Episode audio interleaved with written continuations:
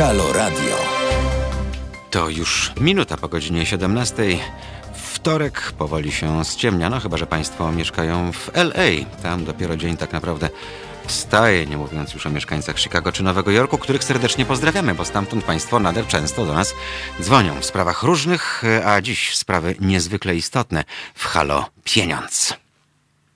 Będziemy bowiem mówić e, i o Frankowiczach, i o tych, którzy mają kłopoty albo mogą je mieć z komornikami. Mm, A postanowiłem, że zaproszę właśnie Państwa komorników, chociażby dlatego, że ostatnio przez media bardzo dużo informacji przelewa się o e, czymś, co można nazwać bezdusznością, chociaż Państwo pewnie e, to wyjaśnią, że to nie jest bezduszność, bo wszystko dziś zależy od człowieka. Mm, I to, że czarne owce się trafiają, to nie znaczy, że in gremio tak jest. Y, Państwo pamiętają, dwie Zuzie, jedna 11 lat, druga 14. Y, Będziemy więc mówić i o dziedziczeniu długów, i o zachowaniu mm, jako takiego komornika, o tym, jakie ma dziś prawa, co może, co mogą Państwo.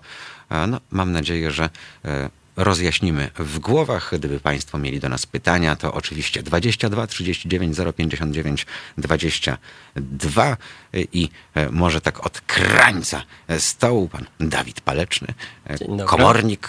e, Jest z nami również, nie wiem, pani komorniczka, to mi brzmi jak zapalniczka. Pani komornik. Pani komornik, tak? Tak, możemy? No więc właśnie, wszystko jasne, bo komorniczka. Pani Małgorzata Kulik i jest z nami pan mecenas Dawid Biernat, który, tak jak Państwu w zapowiedzi nagrywałem, stawia największych bankowców do konta. Mm, A to znaczy, że mm, występuje w sprawach e, o tak zwane kredyty frankowe, wyszukuje, gdzie są jakie niedozwolone klauzule i punktuje, a czasem też nokautuje. Dzień dobry, Dzień dobry dzień państwu, dobry dzień witam dobry. serdecznie. Zacznijmy, proszę Państwa, od e, tych postępowań komorniczych, bowiem w ostatnich miesiącach, w ubiegłym roku i jeszcze wcześniej e, prawo się zmieniało. Prawo, które e, ustawodawca miał na celu e, przede wszystkim zachowanie pewnej równowagi, no i ochrony również wierzyciela właśnie przed takimi skandalicznymi zachowaniami, jak, e, jak nieraz do nich dochodziło. Wydawałoby się, że lata 90. mamy za sobą, że e, słynny film z aktorem Chyrą też e, już za nami. Okazuje się, że gdzieś ten czarny PR dalej się za środowiskiem wlecze. Nie wiemy e, dlaczego tak naprawdę, ponieważ e, dużo się zmieniło. Przepraszam Państwa, ale to jakieś dziwne dźwięki z e, naszego laptopa, już ich nie będzie. E, Tak naprawdę e, wiele się w tej sprawie zmieniło e, i zmieniło się tak, e, że dziś już nikt e, nie dowie się o tym, że prowadzone jest wobec niego postępowanie, jak już komornik wejdzie do niego do domu. Tak możemy przyjąć? E, mm, Przede wszystkim, jeżeli chodzi o najważniejszą zmianę w przepisach dotyczącą informowania dłużnika, to najnowsza nowelizacja dotyczy doręczania e, pozwów sądowych. Od e, kilku miesięcy komornik ma obowiązek w przypadku nieskutecznego doręczenia przez e, sąd za pośrednictwem Poczty Polskiej to komornik ma obowiązek doręczyć tę korespondencję, tak żeby osoba, której ma dotyczyć proces sądowy, mogła dowiedzieć się i ewentualnie wziąć udział, jeżeli będzie chciała e, przedstawiać swoje racje. Więc Mhm. Czyli e, trochę jak w to amerykańskim przede wszystkim, filmie, to tak? przede wszystkim Mhm. jest ta zmiana, e, która pojawiła się w ostatnich w Dobrze, to ostatnim zatrzymajmy się tu chwilkę. To znaczy, że nie odebranie awizo, bo tak to było traktowane, że chyba dwie próby Dokładnie. Tak, e, oznaczały skuteczność. Już to nie istnieje. Tak, w tej chwili, jeżeli korespondencja nie będzie odebrana, dotyczy to oso- oczywiście osoby fizycznej, to wtedy sąd wydaje zarządzenie o doręczeniu takiego pozwu za pośrednictwem komornika. I pan Wtedy do wyrusza mnie- w teren i identyfikuje taką osobę, tak? I skutecznie jej wręcza. Dokładnie, tak. No, Sprowadza się to do tego, żeby, żeby udać się pod adres, e, skontaktować z osobą, której dotyczy korespondencja, więc tu przede wszystkim bardzo ważny apel, tak żeby każdy pamiętał, że komornik może też dostarczyć informację, która może okazać się niezbędna do tego, żeby móc e, bronić swoich praw na etapie postępowania sądowego. Tak? Bo jeżeli będziemy mieli e, doręczenie przez komornika, zlekceważymy takie pismo albo odmówimy odebrania, no to wtedy nie będziemy mieli możliwości zapoznania się z e, tą korespondencją. Sprawa w sądzie będzie mogła ruszyć, a w momencie, kiedy ja doręczając korespondencję, spotkam się z odmową przyjęcia tych dokumentów, no to wtedy ta osoba pozbawi się możliwości, więc to jest bardzo ważne, żeby No, pamiętać. Rozumiem, że jest to hasło, nie ma sensu się ukrywać przed komornikiem, lepiej wiedzieć od razu Zdecydowanie, tak? Szczególnie, że pojawiła się właśnie ta nowa gałąź dotycząca e, pracy komorników, czyli doręczanie właśnie korespondencji związanej z e, tym etapem e, początkowym wszczynania postępowania sądowego.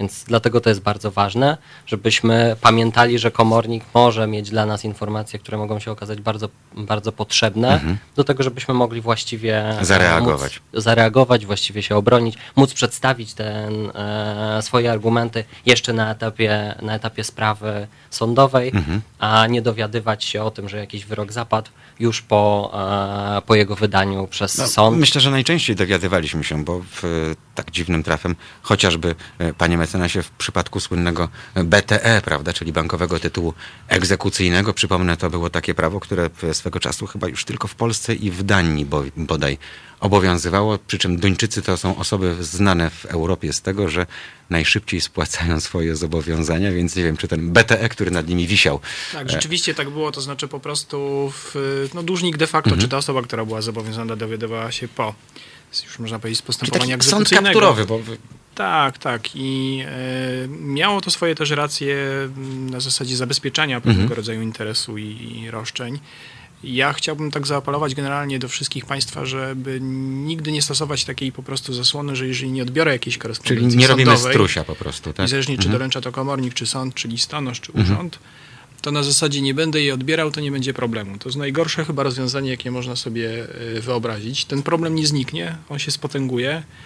Czasami sprawy, które merytoryczne, merytorycznie są do obrony, do wyjścia, przegrywa się dlatego, że traci się formalne prawo Mhm. do tego, żeby wziąć udział w tym postępowaniu. Od 8 listopada mamy też nowy w ogóle model procedury cywilnej. Ta procedura cywilna, czyli postępowanie przed sądem, przypomina troszeczkę szybki pociąg ekspresowy. Jak ktoś się po prostu na ten pociąg nie załapie w odpowiednim momencie, to ten proces sobie jedzie dosyć Mhm. intensywnie bez niego. Może pan rozwinąć tę myśl o tym pociągu? Chodzi właśnie o kwestię związaną z odbieraniem doręczeń. W zasadzie ta pierwsza próba musi być merytoryczna, musi być taka z zasady udana. Natomiast nieangażowanie się w proces powoduje, że ten proces po prostu się toczy bez tej osoby, bez jej Mhm. udziału, bez jej wiedzy, czasami przy pasywnym. e, No, dzisiaj mamy słynny sąd w Lublinie, tak? Y, Elektroniczny. Tak. I o wielu rzeczach y, wiemy, chociażby z kontaktu ze słuchaczami, z widzami. Y, Ludzie nie wiedzą albo dowiadują się wtedy, kiedy jest już, jest już za późno. Y, Z jednej strony to miała być właśnie taka szybsza ścieżka, która miała ułatwić między innymi problemy z płatnikami i z płatnościami, prawda? Zgadza się, ale z drugiej strony ja uważam, że sąd jest jednak, to nie jest urząd, to jest Mhm. jednak organ państwowy, który wymiera sprawiedliwość. Każdy powinien mieć szansę merytorycznego Przedstawić zapra- swoje, tak, rację. tak Mhm. przedstawienia argumentów i sprawiedliwego e, osądzenia. Procedura niestety poszła troszeczkę w kierunku procesu formułkowego, to znaczy Ale panie mecenasie, przepraszam, dlaczego tak się stało? Przecież taka tradycja zachodnioeuropejska jest dokładnie odwrotna. Tam w każdej sprawie, zanim odbędzie się na przykład gruba sprawa gospodarcza, to jest mediator, prawda, który próbuje pewne sprawy e, wyjaśnić na tym poziomie, żeby nie dochodziło w ogóle do postępowania. A u nas, jak już dochodzi do postępowania, to właśnie jest, nie wiem, na sąd elektroniczny, sędzia z automatu dostaje ileś tam wyroków, które stempluje, jak pani na poczcie i Szybkość postępowania chyba zwyciężyła Mhm. nad czasami po prostu takim zdroworozsądkowym podejściem, że jednak merytoryczne osądzenie sprawy jest ważniejsze.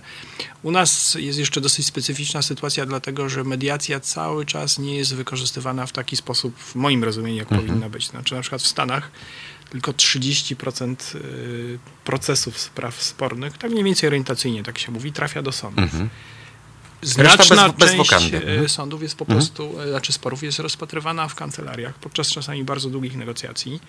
Tam jest takie przeczucie, że rzeczywiście, jeżeli się idzie do sądu, to idzie się ze sprawą, której nie można ugodzić. Dwa, rachunek zysków i strat będzie nieporównywalnie ze szczególnym e, e, rachunkiem bardziej strat. tak, panie mecenasie. ryzykowny Mhm. niż w sytuacji być może czasami ugodzenia się w kancelariach czy przy, czy przy udziale mediatorów. U nas cały czas mediacja jest dobrowolna i to jest moim zdaniem oczywiście dobre rozwiązanie. Mhm.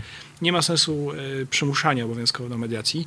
Natomiast myślę, że trzeba rozwinąć kulturę też mediacji. Panie to znaczy, że mecenasie, kancelarie mhm. i prawnicy, adwokaci nie służą tylko i wyłącznie stricte do prowadzenia procesów i do spierania się w sądzie, ale ważny jest ten etap taki przedprocesowy. Ja wiem, że to może zabrzmi niepopularnie, ale jak w Stanach ma pan zapłacić e, za e, mecenasa, który pana będzie reprezentował przed sądem po kilkaset dolarów za godzinę, to może faktycznie lepiej skończyć to przy stole mediacyjnym i załatwić sprawę, niż pakować się w proces, który będzie mnie kosztował majątek i ja będę musiał, nie wiem, hipotekę za, zastawić. Chodzi mi o to, że bardzo często to ekonomia uczy ludzi pewnych zachowań. Tak, dlatego że ten rachunek zysków i strat, o którym mówiliśmy, on jest dużo większy w przypadku po prostu spraw sądowych. Tam się Mhm. ryzykuje, to jest oddalone w czasie, ale ryzykuje się oczywiście dużo większymi kwotami. No więc właśnie, ryzykuje się dużo większymi kwotami. Jak to jest w przypadku postępowań komorniczych, bo tu też są ustalone stawki, są tabele, są koszty, które komornik musi, musi ponieść. Czy tu też się coś zmieniło w ostatnim czasie? E, Przede wszystkim nowe przepisy uprościły zasady dotyczące naliczania kosztów egzekucyjnych. W jaki sposób? Mm, ujednolicając e, stawkę. Do tej pory mieliśmy wiele różnych stawek, które w zależności od zastosowanych sposobów, podjętych działań przez komornika i tego, w jaki sposób udało się wyegzekwować e, należności dla wierzyciela, dla osoby, która mm, starała się odzyskać te kwoty na podstawie wyroku sądu. I tak mieliśmy stawki, które były na poziomie 2, 5, e, 8, 15%. Czyli można było sobie chwili- wziąć te 15, No oczywiście zależy od tego, jak Mhm. bardzo pracochłonne działania były ale to rozumiem, że to działanie można było rozpisać jakoś, jak ktoś był dobrym publicystą, A, co pan ma na myśli? gawędziarzem. No. Nie, nie, nie, zdecydowanie nie, bo też trzeba pamiętać, jak, jak że bardzo... komornik Mhm. e, zawsze podejmuje działania zgodnie z e, żądaniami Mhm. wierzyciela, tak? Czyli tej osoby, która chce odzyskać, chce odzyskać należności. Też w przepisach mamy uregulowaną kwestię tego, że te działania nigdy nie mogą być nad e, wyraz e, intensywne. No właśnie Więc o to mi chodziło. To jak oczywiście- intensywne mogą być teraz, to znaczy, to jest jakiś wspólny mianownik dla y, stawki E, procentowej, jeśli W tej chodzi chwili, w tej Mhm. chwili mamy standardową stawkę, która wynosi 10% i to jest zasada, Mhm. jeżeli chodzi o odzyskiwanie. Tak? Założenie w e, ustawodawcy, założenie e, w e, tworzeniu nowych przepisów było takie, żeby można było w łatwy sposób zweryfikować, czy te koszty zostały naliczone prawidłowo. Czy kompletna odwrotność firm windykacyjnych, bo one kupują długi od banków za 10% wartości, a ściągają e, pozostałe 90%, więc to już tak troszkę No i trzeba też pamiętać, Mhm. że, że te koszty, które są naliczane, no to jest e, opłata, którą ponosi dłużnik. Tak? Okej. Więc Mhm. jeżeli pan ma do odzyskania jakąś należność, powiedzmy 10 tysięcy złotych, to w przypadku skutecznej egzekucji wszystkie koszty związane z wyegzekwowaniem tej należności będzie pokrywał dłużnik, Mhm. więc to, to też jest bardzo ważna zmiana. Halo, halo, dzień dobry, mamy telefon. Panie Januszu, Dzień dobry. dzień dobry. Jan, Janusz y, z Koszalina. Dzień dobry, kłaniamy się i słuchamy. Właśnie ba- bardzo, bardzo fajny temat, bo ja miałem trochę odwrotnie mam sytuację. To znaczy? To znaczy, że otrzymywałem pisma od y, komorników na adres mojego mieszkania, które kupiłem od y, następnej właścicielki. Ja otrzymywałem pisma od pana komornika gdzieś tam z Warszawy z już nakazem sądowym, czyli z pieczęcią sądu Mhm. gdzie było napisane, że w razie mojej nieobecności y, ktoś może wejść i zabrać moje ruchomości. Nie, może, nie mogli zabrać nieruchomości, tylko ruchomości. Mhm. Tak to było to sk- skonfigurowane. I wszystko fajnie, tylko że ja często bywam poza krajem. I otrzymując takie pismo, Mhm. no po prostu się wystraszyłem. No bo pojadę do pracy gdzieś poza granicę, wrócę i okaże się, że zostanę mieszkanie zapromowane i będę musiał iść pod mur. Problem polega na tym, że otworzyłem pismo, które, które na mój adres zostało wysłane na nazwisko człowieka, którego nigdy nie widziałem na oczy który był za, zameldowany tam 8-10 lat temu. Ja kupiłem już od następnej właścicielki. Czyli rozumiem, że Czyli jedyne co miał ogóle nie- komornik, nie- to nie- miał stary, nieaktualny adres Tak, wierzyciela i I- z niego skorzystał. Mhm. I nawet, nawet nie to, bo ja otworzyłem to, to pismo, zadzwoniłem do tego komornika, przedstawiając mu sprawę, to usłyszałem, że złamałem prawo. Złamałem prawo, bo y, otworzyłem cudzą korespondencję. Nie wiem w jaki sposób doszedł do tego wniosku. To Zresztą to się oparło o y, głos koszaliński, o, Mhm. o. Dobrze, no a jak to się skończyło? No skończyło się, że, że przestał w ogóle wysyłać. I to, no, to oczywiście dla mnie szczęśliwie, bo, bo przynajmniej się nie miałem y, y, nie musiałem się obawiać o, o, o swoją własność. No, czyli można powiedzieć, że padł pan ofiarą pomyłki. Tak naprawdę. Nie, padłem, padłem ofiarą tego, co robią komornicy, niestety. Czyli? Bo, bo wysyłając takie coś, to okazało się, że po pierwsze tak, ja nie mam prawa się w żaden sposób bronić, bo tam komornik później tam prze, przeszł izbę komorniczą i tam, Mhm. że, że popełnił błąd, bo wysłał, y, znaczy znalazłem y, je, jego pismo y, w swojej skrzynce Mhm. do czego nie powinno dojść, bo Mhm. powinno, powinno to być jako awizo. Awiza nie mógłbym odebrać. Zgadza się? No bo przecież jest na obcym nazwisku. No to prawda. Czyli nakaz e- egzekucji cały czas by był Mhm. w, w prawie. Ja się nie dziwię w tej chwili, jakby na przykład przyszedł komornik z policjantami i przedstawił pismo, gdzie jest pieczęć sądu rejonowego w Warszawie, ale jest jednak pieczęć sądu. Mhm. No, no jest to prawo, tak? Mhm. I przedstawiły policjantowi, weszli do, do, do mieszkania, zabrali znaczy no, wróciłbym z pracy z Norwegii, a okazałoby się, że mam zaplomowane Mhm. mieszkanie, bo, bo ktoś wszedł na podstawie takiego pisma. Ja nie wiem, jak mam się przed czymś takim bronić. Nie mam wykształcenia. Spróbujemy zaraz Y- panu podpowiedzieć. Mamy ekspertów w studiu od tego właśnie. No, Najważniejsza no, rzecz, jaką, dlatego. jaką należałoby przede wszystkim podjąć w takiej sytuacji, to jak najszybciej poinformować komornika o tym, że właściciel mieszkania No, i ta osoba, której dotyczyły te listy, które były do pana pierwotnie wysyłane, no już pod tym adresem nie mieszka. I z No, uwagi na to, że postępowanie egzekucyjne, postępowania sądowe mają charakter pisemny, no to taka informacja powinna być zawsze złożona na piśmie. Tak. No to oczywiście chyba jest zrozumiałe, że informacja telefoniczna no nie jest wystarczająca, dlatego że no taki telefon mógłby wykonać każdy.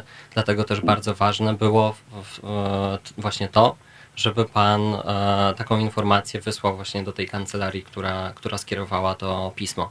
No i też musimy pamiętać, że postępowanie egzekucyjne zawsze dotyczy konkretnej osoby, a nie mieszkania. Więc ma, komornik prowadząc e, postępowanie przeciwko Obowiązek dłużnikowi ma obowiązek e, szukać majątku tego dłużnika, a nie kogokolwiek innego, więc no tutaj pan przychodząc, e, kupując to mieszkanie, no, może być, e, czuć się bezpieczny, jeżeli chodzi o to, ponieważ postępowanie nie dotyczyło pana, tylko poprzedniego, a właściwie jeszcze poprzedniego właściciela mieszkania. Panie tak? Januszu, a pan Tak. Ale- dopilnował tego, ale- żeby te ale- osoby ale były jeszcze- wymeldowane ze starego adresu, y, jak pan kupował mieszkanie? Nie, no ja w ogóle nie byłem zameldowany i do tej pory. Ale nie, mówię o osobie y, z kolei, która była, Tak, oczywiście. była wymeldowana no, już, tak? Mhm. Oczywiście wymeldowana jak od następnej właścicielki. Ja Mhm. w ogóle tego nazwiska nie znałem. Mhm. Mam, mam na, na e, umowie kup na całkiem inne nazwisko, z kim innym się kon- kontaktowałem. To Mhm. jest e, po prostu ktoś, kto mieszkał tam 8 czy 10 lat temu. Mhm. Komornik dalej, dalej odzyskuje dług. Okej. Problem nie polega na tym, Mhm. że, że, że, bo ja się tam aż tak strasznie tego nie wystraszyłem. Tylko ja zadzwoniłem do komornika do Warszawy Mhm. I pan komornik mnie oskarżył o, o to, że ja łamię Że prawo, korespondencję bo pan otworzyłem, otworzył, tak. bo otworzyłem sobie cudzą korespondencję i odłożył słuchawkę. W ogóle nie próbując ze mną rozmawiać. Mhm. No dobrze. Dla, y, dla, dlatego właśnie Mhm. uruchomiłem e, kasę i, i ten, i później się tam okazało, że tam próbował przepraszać, coś tam. Tylko właśnie, jak, jak my możemy się bronić przed czymś takim? Bo No to zaraz pani, wszystko, wszystko jest fajnie. pani Małgorzata i pan Dawid postarają się na to pytanie odpowiedzieć. Pani Małgorzata. Ja chciałam tylko ym, jeszcze zwrócić uwagę na to, że y, prowadząc postępowanie i otrzymując wniosek egzekucyjny, y, my jesteśmy związani adresem, który wskazuje nam wierzyciel we wniosku egzekucyjnym i dopiero y, w przypadku podejmowanych dalszych czynności mamy taką możliwość ustalania też Mhm. innych adresów tej osoby. No dobrze, tylko tutaj pan Janusz No, twierdzi, ale- że jak przyjechał z zagranicy z pracy w Norwegii, to miał już oplombowane mieszkanie, tak? Nie, nie, Nie? Nie, nie, nie. To jest tak, to Aha, ja też tego tak nie zrozumiałem. Panie Januszu, Tak? słuchamy. Przyszło pismo, Mhm. w którym tam podany jest dłużnik, podany jest y, komornik i tym piśmie jest tam paragrafy. Ja nie mam wykształcenia. y, No nie musi pan mieć, nie ma takiego obowiązku. Ja tutaj mam uwagę, że wtedy mam- zawsze warto mam- się udać do adwokata. ma- No tak. Dlatego, no, że no, to jest stosunkowo tanie, on dobrze poradzi, y, uniknie Ale- się niepotrzebnych problemów, jakichś takich ruchów, które mogą się wydawać ale intuicyjnie ja, dobre. Ja sobie, ja sobie poradziłem. Poradziłem sobie w inny sposób. No tak, poszedł pan z tym do gazety, okej. tak? No i, Tylko, tylko właśnie, no, czy to na tym ma to polegać? Dostaję pismo, gdzie jest pieczeń sądu, tak? Jest pieczeń sądu tam z Warszawy, jest e, paragraf, który mi mówi, że, że ktoś może mi wejść do mieszkania i wszystko jest zgodne z prawem. Mhm. Tylko no, coś mi w tym prawie nie, nie, te, nie, nie bardzo mi leży. Ale to już właśnie Mhm. panu powiedzieliśmy, że najprostsze rozwiązanie to było przede wszystkim wysłać informację do komornika, że obecnie pan jest właścicielem. Na to dzwoniłem. No, dzwoniłem ale to m- Tak jak mówił, mówiłem, mówił pan Dawid, że telefon, zatelefonować może każdy. No, no Natomiast chodziło o no, to, żeby Czyli- Żeby też były dokumenty, które potwierdzają tę Mhm. informację, tak, że jest pana oświadczenie. Powinienem nagrywać każdą rozmowę telefonicznie. No bo pan komornik mi po pierwsze powiedział, że złamałem prawo, a po drugie rzucił słuchawkę. Bo próbowałem coś zmienić w jego sposobie. Potraktujmy to jako kwestię osobniczą. Po prostu na takiego No człowieka pan trafił.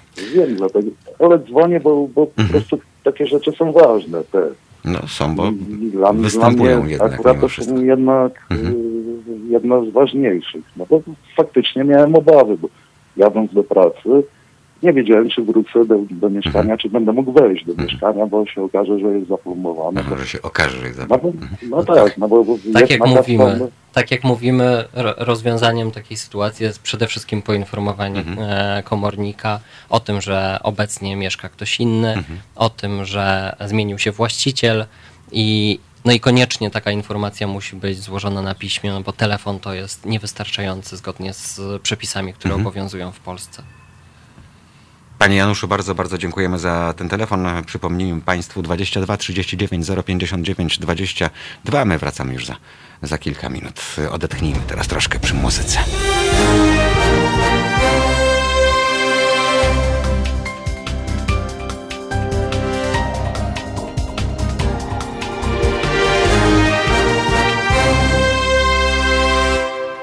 Halo radio, halo pieniądz. To już 26 minut po godzinie 17, a my rozmawiamy dziś, a, proszę się nie śmiać, o trudnych sprawach. Ja wiem, że teraz Państwu co innego do głowy przychodzi, ale to są naprawdę trudne, trudne sprawy, dla wielu skomplikowane, a wielu potrafiące złamać życie. Mm, Mówiłem o tych doniesieniach medialnych, y, tam chodziło o dziedziczenie y, długu. Ja wiem z własnej praktyki i prowadzenia przez wiele lat audycji y, gospodarczo-ekonomicznych, konsumenckich, pracy w Rzeczpospolitej, na zielonych stronach w TV Biznes i w innych mediach, że jeśli chodzi o edukację naszych obywateli, y, o wiedzę, z postępowania, z kodeksu cywilnego, z spraw konsumenckich, to jest to wiedza niestety na wciąż bardzo miernym poziomie, co z kolei innych skłania do tego, żeby wciąż a, robić lewe biznesy i w ten czy inny sposób ludzi naciągać. Jeśli chodzi o takie grubsze sprawy, to kończy się tak jak Amber Gold na przykład, tak, czy, czy inne. Ale najgorsze jest to, że na tym podstawowym poziomie też nie mamy, nie mamy wystarczającej wiedzy. Ale mnie się wydaje, że czasy są takie, że mm, nie da się być specjalistą od, od wszystkiego. Nie znamy się na samochodach, wiemy, że one służą do jeżdżenia, nie znamy się na procedurach medycznych i trudno wymagać od ludzi, żeby Tak. się po prostu w tym zakresie Doktor szkolili. Google. Mhm. Tak, a natomiast należy dbać o taką ogólną edukację, że jeżeli mamy jakiś problem, To wiemy, do kogo się udać. Mhm. to idziemy na przykład do adwokata, po, tak jak wcześniej wspomniałem, po poradę, która zazwyczaj jest stosunkowo tania, y, pozwala na uniknięcie wielu, wielu nieprzyjemności i e, błędów i na tym, w tym kierunku po prostu powinniśmy tutaj zmierzać i, i mm, czynić A starania. s- skąd Państwa zdaniem jest taka właśnie reakcja tego strusia, który chowa głowę w piasek, bo jak widzi tak zwane pismo urzędowe albo awizo, no to jest tak jak kiedyś telegram na wsi, nie? że to oznaczało tylko śmierć kogoś i lepiej to obchodzić z daleka, bo ja nie będę tego dotykał, bo nie wiadomo, co tam w środku jest. Ja myślę, że to jest przede wszystkim kwestia psychologiczna. Tak, staramy się unikać problemu, dopóki go nie znamy, do tego momentu ten problem nie funkcjonuje, więc e, prawdopodobnie to, to, Tak to jak jest narkomania taka w prosta, PRL-u. Nie mówiło się o niej, więc jej nie było. prosta Tak. psychologiczna kwestia, ale no, musimy wiedzieć, że dopóki nie będziemy w stanie móc zareagować, do tego momentu ten problem wcale nie znika Mhm. e, i chowanie głowy w piasek e, w, żaden sposób go nie rozwiąże. To wręcz przeciwnie spowoduje nawarstwienie. To jest też to, co już wcześniej mówiliśmy. Ten problem urośnie, pojawi się i on tak na dobrą sprawę wróci do nas ze zdwojoną siłą. No, E, wiadomo, że nieznajomość prawa nie jest żadnym usprawiedliwieniem, natomiast y, czy w ten sposób y, ludzie się wciąż usprawiedliwiają, że nie miałem pojęcia, nie wiedziałem, y, a skąd mogłem wiedzieć, że to o mnie właśnie chodzi? A, Chyba próbują, ale to jest takie no dosyć e, nieudolne zupełnie w tym już w naszych czasach takie postępowanie na zasadzie, że no po prostu skoro nie znam zasad, to one mnie nie obowiązują. No. Że gdzieś jedziemy, idziemy do kogoś w gości, czy nie wiem, czy zajmujemy się jakąkolwiek aktywnością, wchodzimy w jakieś środowisko, no to podstawową zasadą jest jednak pojęcie tych ogólnych reguł, tak, jakie tam obowiązują. Ale no, tak jak Państwu wspomniałem, no najlepiej mieć wyrobioną taką e, swoją, jak gdyby takie, takie przeczucie, że jeżeli tak jest na przykład w przypadku jakichś zdrowotnych problemów, prawda? Jeżeli Mhm. nawet jest jakiś problem, problem, wydaje nam się prosty, nieskomplikowany, ale czujemy się z tym no, nieswojo, konsultujemy to z lekarzem. Tak? to nie Mhm. kosztuje też Mhm. dużo, nie jest skomplikowane, jest łatwo dostępne i skorzystanie z takiej prostej porady naprawdę y, czasami rozwiązuje albo zapobiega naprawdę pro, poważnym problemom. Pyta nasz słuchacz od razu, co to znaczy stosunkowo tanio, panie mecenasie. Stosunkowo. Na pewno jest to dużo taniej niż później, jeżeli e, ktoś przychodzi z poważnym e, problemem, gdzie trzeba po prostu opracować skomplikowaną strategię postępowania, prowadzić sprawę. I Czyta w pańskich myślach nasza słuchaczka. Prawdopodobnie w stosunku do kosztów, które poniesiemy bez prawnej, koszty Dokładnie sądowe, tak. komornicze, odsetki i tak dalej, więc wszystko jest e, jasne. Pani Anno, dziękujemy za tę podpowiedź.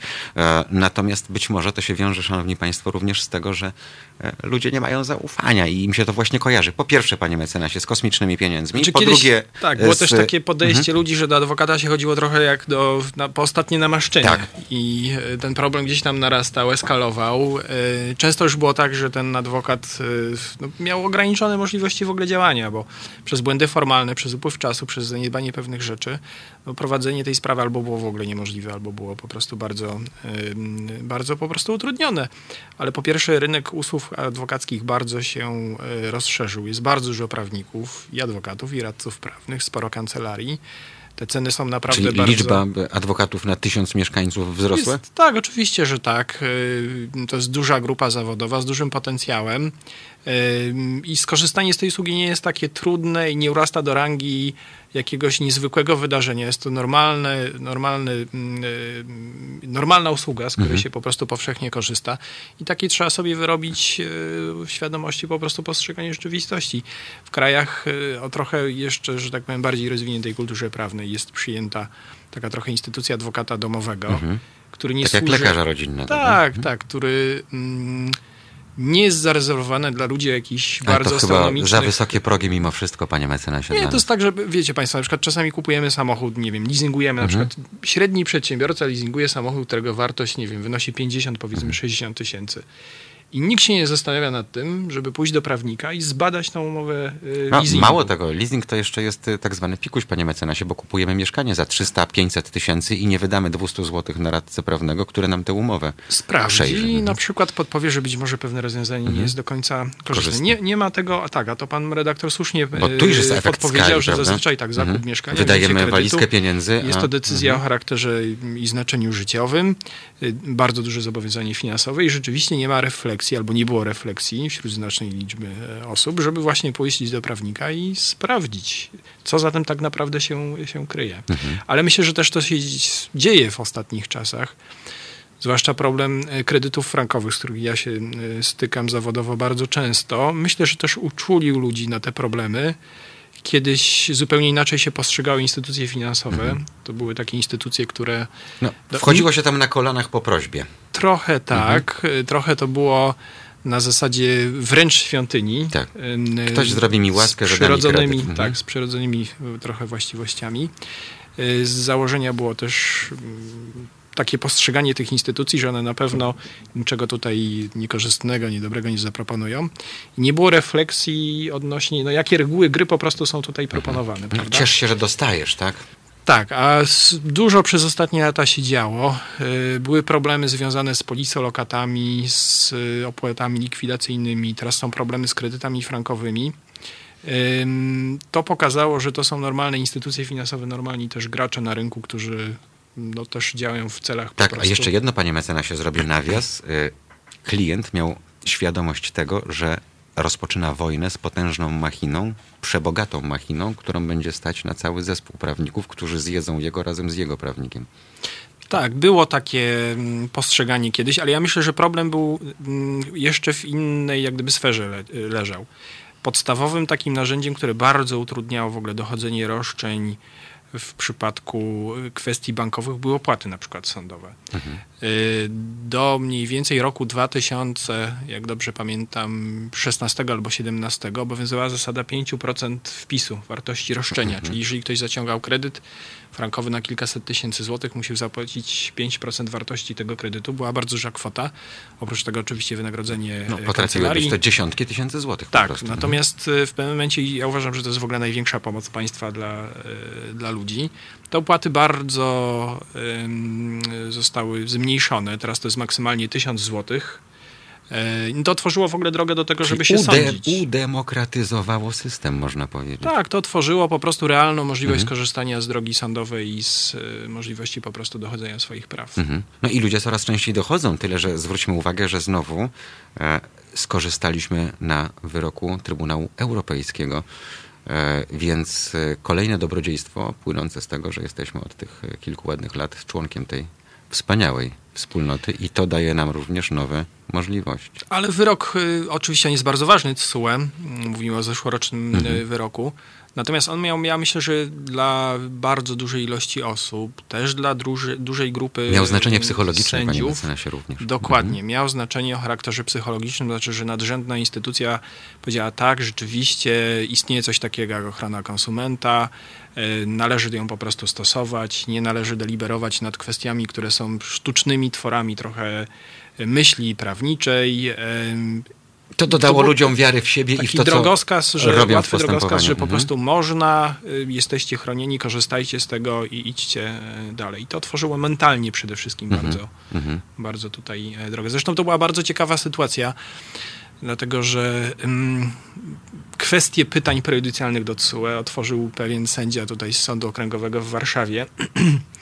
Y, Natomiast on już na pewnym etapie mm, nie czekał na odpowiedź TSUE, dlatego że sam był przekonany o swojej słuszności postępowania i stwierdził, że nie ma sensu zawieszania swoich praw, które prowadził do czasu wydania wyroku przez TSUE i normalnie orzekał w tym duchu i w tej linii, którą, którą TSUE po prostu potwierdziło tam, tak, po jakimś czasie. Poszedł z duchem czasu. I, Tak, tak. No nie bał, nie bał się, się, po prostu orzekania, nie bał się swojego zdania. To jest też właśnie, rola bo to jest bardzo ważne, to jest bardzo ważne, o czym pan mówi, panie mecenasie, ze względu chociażby na to, że e, składy sędziowskie były postrzegane jako te, że mówiąc kolokwialnie, nie ogarniały tematów. Nie ogarniały tematów swego czasu gospodarczych, potem y, nie ogarniały tematów kredytów frankowych, e, bo to była taka nowość na rynku, mówiąc e, To nie wprost. są łatwe sprawy, Mhm. nadal nie są łatwe sprawy, pomimo tego, że przez te ostatnie powiedzmy 3-4 lata bardzo dużo się stało. Nadal jest dużo problemów. Yy, Druga strona, m, czyli banki, one też korzystają z y, kancelarii czy z prawników, którzy też potrafią bardzo dobrze wykonywać swoje, swoje zadania, potrafią prezentować y, argumenty, pewne sprawy komplikować, pewne sprawy wyjawiać na światło dzienne. No i to powoduje też, że cały czas te procesy są dosyć, y, dosyć skomplikowane, ale dużo się stało dobrego. 3-4 lata temu e, ogólne podejście do, do spraw frankowych było takie trochę z przymrużeniem oka, że ci frankowicze nie wiadomo czego chcą, że te sprawy są być może przegrane, że to nie ma sensu i tak dalej. A dzisiaj stoimy w bardzo dużej ilości spraw przed pytaniem nie czy, tylko jakie są skutki. Wiemy, że to pójdzie albo w kierunku stwierdzenia nieważności przy danej typie umowy, albo w kierunku ym, y, wyautowania klauzul abuzywnych. I pytanie pozostaje, co w takim razie to nam przyniesie, jakie będą skutki. To jest ogromna, y, taka też mentalna i jakościowa, że tak powiem, zmiana w procedowaniu tych spraw, w postrzeganiu i ich też odbierze. Ja się cieszę z jednego, panie mecenasie, ponieważ w tej rynkowej grze na rynku finansowym banki w pewnym momencie zapędziły się w kozi róg, ponieważ gdyby banki zechciały oferować kredyty walutowe, ale w prawdziwej walucie, a nie kredyty denominowane, to do podobnych przypadków by nie dochodziło. Ktoś tu wprowadził element nieczystej gry, bo chciał zarabiać tak na spreadach, jak i na e, prowizjach, jak i na marżach. Okazało się, że trochę przelicytowały e, banki w tym, co zaoferowały swoim klientom, bo gdyby w tym kraju rozwinęły się, tak jak w świecie zachodnim, rozwiniętym, cywilizowanym, banki hipoteczne, które z kolei nie muszą korzystać na walorach e, udzielanych e, na podstawie lokat konsumenckich, pożyczać dalej tych pieniędzy tylko na podstawie ustaw o listach zastawnych chociażby, to pewnie też połowa z tych banków poszłaby zupełnie inną drogą, bo nie byłoby sensu, bo i tak wiedziałyby, że, że zarobią, prawda? A tutaj zaczynało się to golenie klienta od pierwszego dnia zaciągnięcia pożyczki czy kredytu. Tak, zgadza się, panie redaktorze. Kredyt hipoteczny powinien być zawsze z natury rzeczy najtańszym, najprostszym, najbezpieczniejszym kredytem. I to na całym świecie gwarantują prawdziwe kredyty hipoteczne, które w Polsce występują w promilu. Tak, dlatego że to jest przede wszystkim kredyt, który jest zabezpieczony hipotecznie. Po prostu, jest to a nie kredyt. Mhm. Jest to najsilniejsza forma zabezpieczenia, jaka może być, mhm. oprócz depozytu bankowego, mhm. czyli złożenie no tak. określonej sumy pieniędzy na zabezpieczenie. Ja zawsze, panie mecenasie, rozróżniam przedsiębiorców od osób prowadzących działalność gospodarczą. Tak samo rozróżniam kredyty hipoteczne od kredytów zabezpieczonych hipoteką. I jak wiadomo, u nas niestety te drugie były, były górą. Efekty są takie, więc y, skoro banki zdecydowały się na taką grę, to musiały mieć świadomość, że kiedyś no przyjdzie tak, tak, przyjdzie mhm. zapłacić, czy zmierzycie po prostu ze skutkami tej całej sytuacji.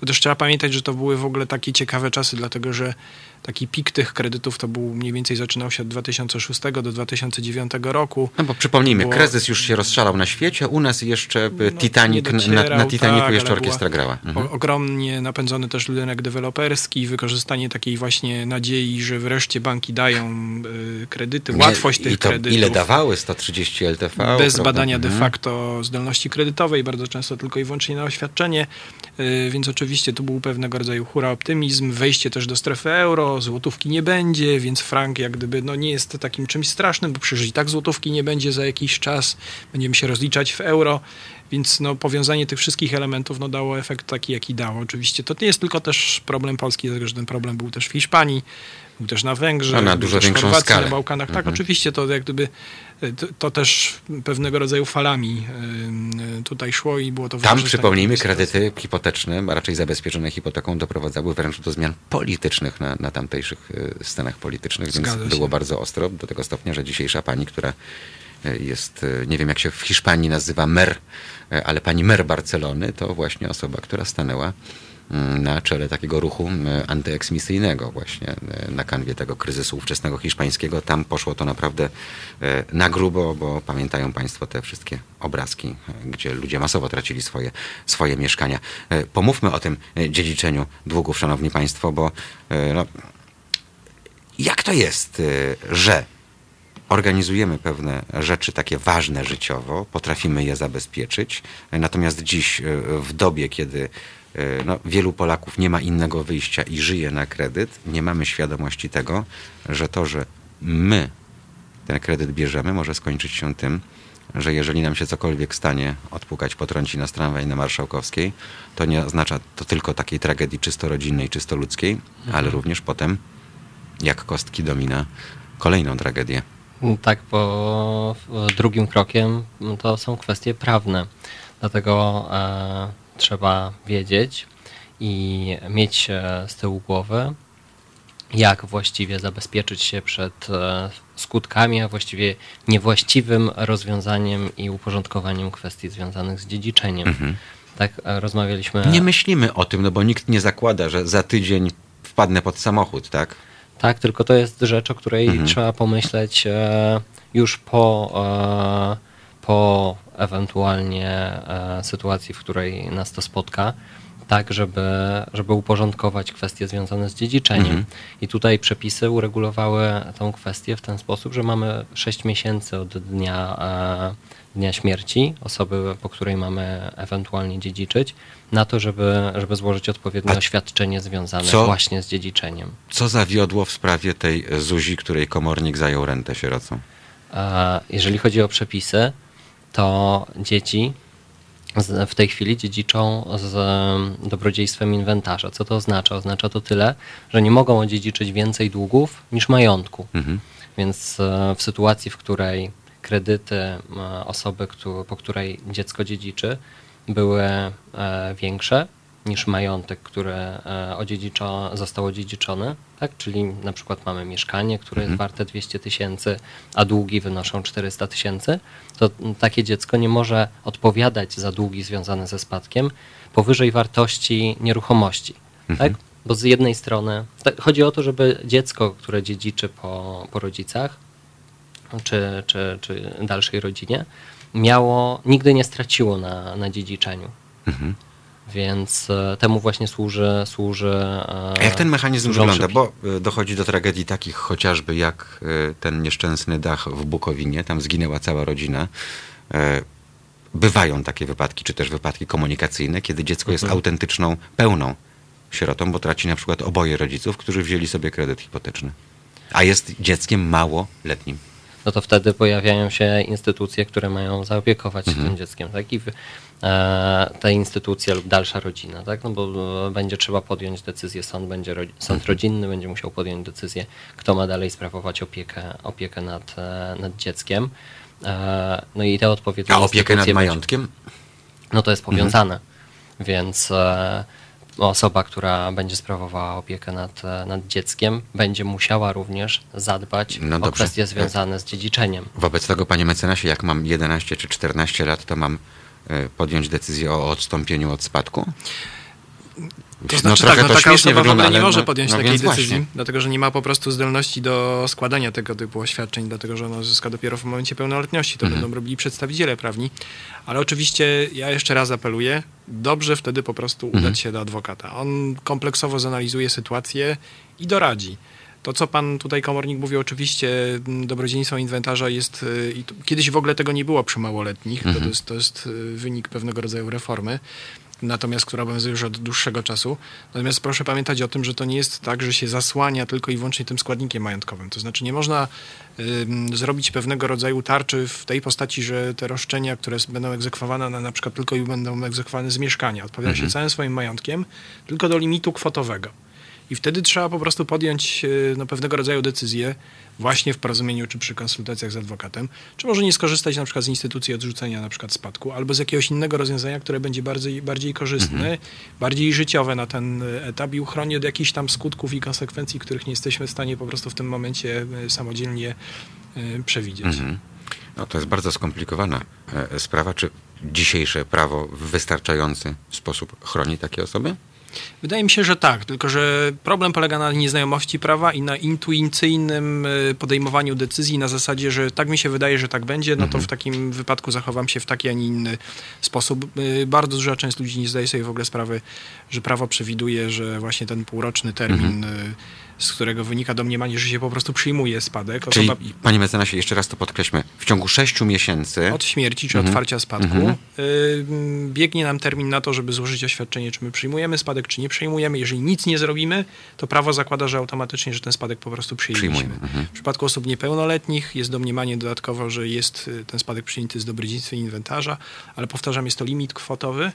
Egzekucja może się toczyć z stałego majątku, tylko do określonej y, kwoty. Mhm. To wróćmy do Zuzi, bo w, taki czynnik ludzki, e, humanistyczny, zajęcie e, renty dziecka, E, No tutaj mamy, mamy znowu problem, o którym już właśnie powiedzieliśmy, tak? Kwestia tej odpowiedzialności i podjęcia decyzji przez opiekunów prawnych, jak należy właściwie zareagować. Mamy wiele rozwiązań, kilka rozwiązań, które umożliwiają uniknięcie problemu, tylko znowu trzeba tym e, im się przyjrzeć, przeanalizować, podjąć odpowiednią decyzję, tak żeby właśnie uniknąć e, potencjalnych problemów.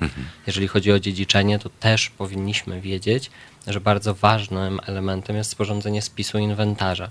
Czyli chodzi o to, żeby to. mm, czyli znowu patrz, idziemy do e, Spis inwentarza spo, Mhm. e, sporządza komornik. Mhm.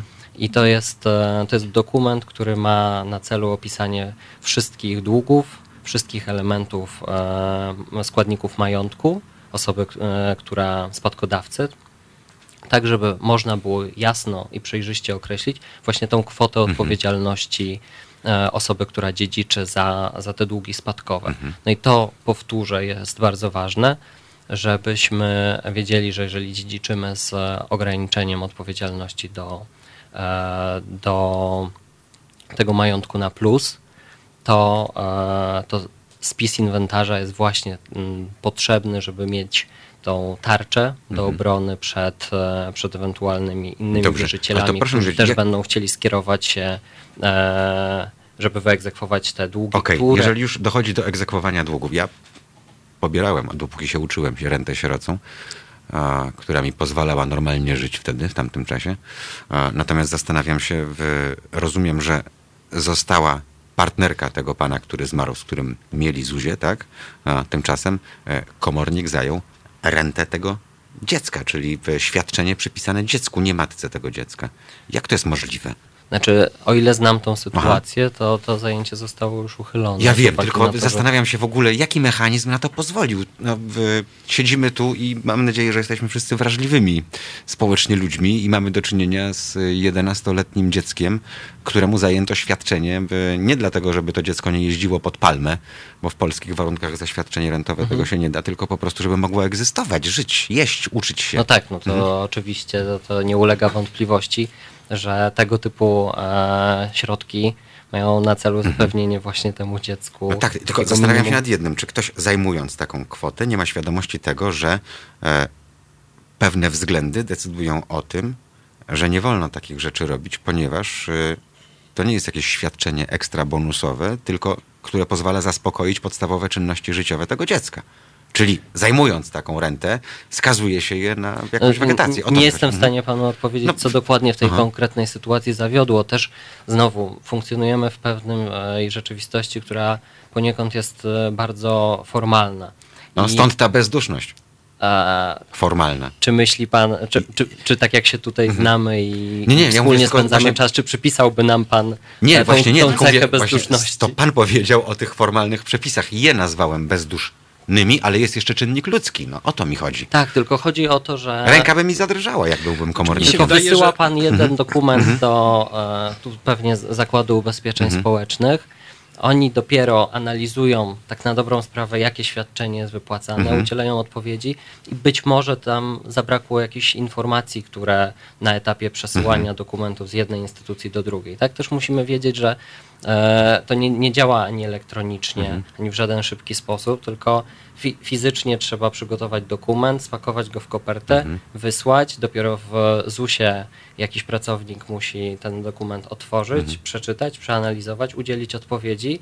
No i, i pewne, pe, pewne rzeczy się dzieją, zanim, zanim te dokumenty Mhm. trafią.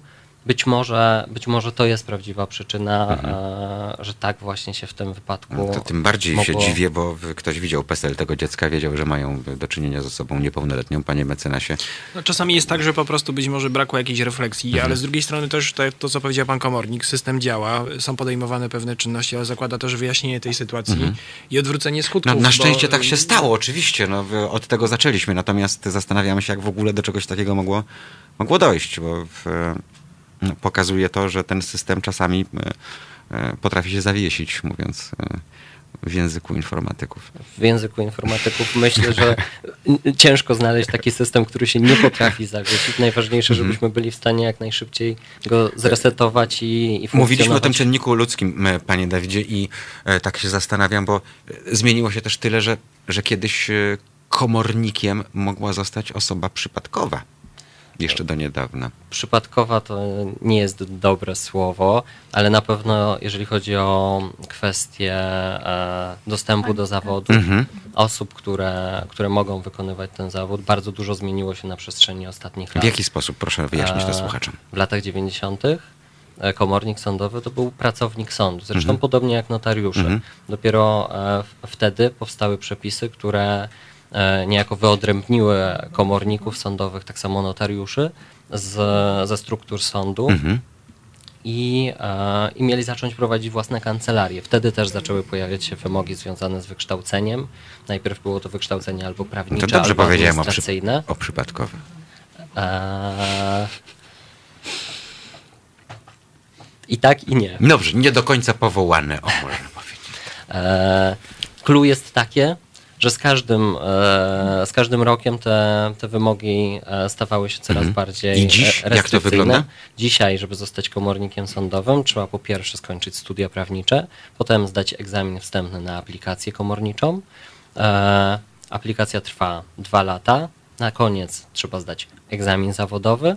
Kolejny etap to jest przynajmniej dwa lata stażu Mhm. i to jest praca e, na stanowisku asesora komorniczego i dopiero po tym całym okresie, czyli łącznie po ponad 9 latach nauki, można e, aplikować o mm, przyznanie stanowiska komornika Mhm. sądowego. No to jest takie y, gęste sito, można powiedzieć. Na pewno jest to bardzo długa droga Mhm. i niczym nie odbiega od innych zawodów prawniczych, adwokata. e, Czyli radcy mogę powiedzieć, prawnego. że wszystko służyło to temu, żeby komor komornikami nie zostawały osoby przypadkowe. Już tak naprawdę. tylko też Bo to musimy, jest długa, tylko ciężka droga. Też musimy mhm, pamiętać, która daje nam że nadzieję, przez że te mamy... Mhm. kilkanaście lat bardzo zmieniła się rzeczywistość, w jakiej funkcjonujemy. Mhm. Pojawiło się bardzo dużo różnych instytucji finansowych, prawnych mhm. e, i ten poziom rzeczywistości prawnej Aha. zaczyna, jest coraz bardziej skomplikowany. Panie Waldemarze, dzień dobry. Dzień dobry panu.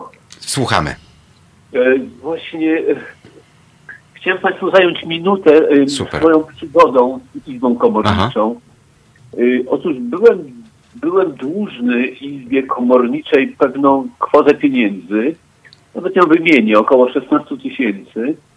Nie mogłem jej oddać od razu, natomiast każdą nadwyżkę finansową, jaką miałem, starałem się wysyłać, aczkolwiek niechętnie, ponieważ gdzieś w głębi ducha wiedziałem, że e, nie był, nie, nie, nie był to sprawiedliwy, że tak powiem, mojej, mojej oczywiście osobistej ocenie.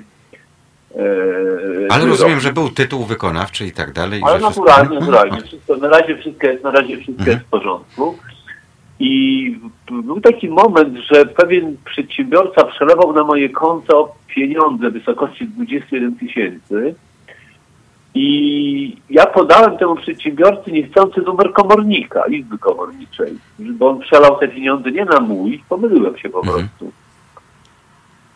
Proszę sobie wyobrazić, że przerażony zadzwoniłem do izby komorniczej, szefowa, pani, pani, pani, pani, pani, że tak powiem, pani, pani, no, na, na, na, pani naczelnik, wezwała mnie, poprosiła mnie, żebym przyszedł do niej, przedstawiłem jej sytuację i, proszę sobie wyobrazić, że ona mi te pieniądze wszystkie zwróciła. Przelała z powrotem na moje Mhm. konto. Czy to nie był przypadkiem jedyny przypadek w Polsce, Europie i na świecie, czegoś takiego? Proszę mi powiedzieć. No, ja, e, zanim oddam głos gościom, to muszę panu powiedzieć, że mnie ostatnio e, w sporze z bankiem reprezentował urzędnik KAS Krajowej Administracji Skarbowej i to skutecznie. Więc Aha. poczułem się dumnym obywatelem, że po to No jest właśnie, oto urzędnik właśnie. państwowy, który mnie przed bankiem e, wybronił. A chodziło... Ale co ją Mhm. skłoniło do tego, żeby, żeby, żeby, żeby nie powiedzieć mi, w takim razie dziękujemy panu bardzo, te 16 tysięcy, które jest nam pan winien, że tak powiem, zatrzymujemy, przelewamy na pańskie konto resztę. Ale to już niech panu. państwo komornicy się wypowiedzą. To znaczy, pierwsza rzecz jest taka, że komornik zawsze działa na rzecz wierzyciela, tak? Bo mówił pan wcześniej, że, że, że to na rzecz, na rzecz izby komorniczej. No to rozumiem, że był wierzyciel, który miał wyrok sądu i e, to komornik działał na rzecz tego wierzyciela, który miał. Nie, nie, nie, państwo było. Ja, ja płaciłem, ja płaciłem e, zaległe alimenty, które mi tam... Czyli to było na rzecz dziecka. Proszę? Czyli na rzecz dziecka, Albo Czyli rodzice. na rzecz dziecka, tak. funduszu alimentacyjnego. ewentualnie. Państwo. Mhm. Okej. Tak, więc to były należności dla e, Skarbu Państwa, który domagał się zwrotu wcześniej wypłaconych świadczeń dla, e, dla dziecka. No a jeżeli chodzi o, o tą wpłatę, to potrzebowalibyśmy więcej szczegółów, żeby, żeby móc jakkolwiek się odnieść. Nazwisk nie wymienię. Nie, no ale jak rozumiem, to pan zadzwonił, żeby powiedzieć, że Ale rozumiem, trafiają że się pan, pan, profesjonaliści, którzy stają na wysokości zadania, bo pan Waldemar z obrotu sprawy jest generalnie zadowolony. Nie no, ja byłem, ja byłem, ja, ja, ja po prostu moje, moje, moje morale urosło niezwykle. Poczułem się, że żyję jak wśród ludzi, choć przyznam się, że gdyby wynik tego był dla mnie niekorzystny, to też bym z pokorą pokłonił głowę. No, a tam, No ale to oby to poczucie panu zostało na jak najdłużej, panie no Waldemarze. nie, no mam je, no, mam je nadal, pielęgnuję i chciałem się z Państwem podzielić. To proszę je podlewać, karmić witaminkami, e, e, żeby trwało. Bardzo uprzejmie dziękujemy, a my do Państwa już, już wrócimy. E, Adel, nie wiem, czy powinniśmy ją grać, bo tam teraz Adel i to była ta pani, co na imprezie się spotkała z Kingą Rusin, tak? Nie, nie znam się, nie oglądam pudelków i innych. Gramy wobec tego i zaraz e, słyszymy się ponownie.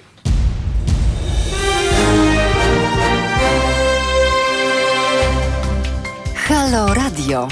Pierwsze medium obywatelskie.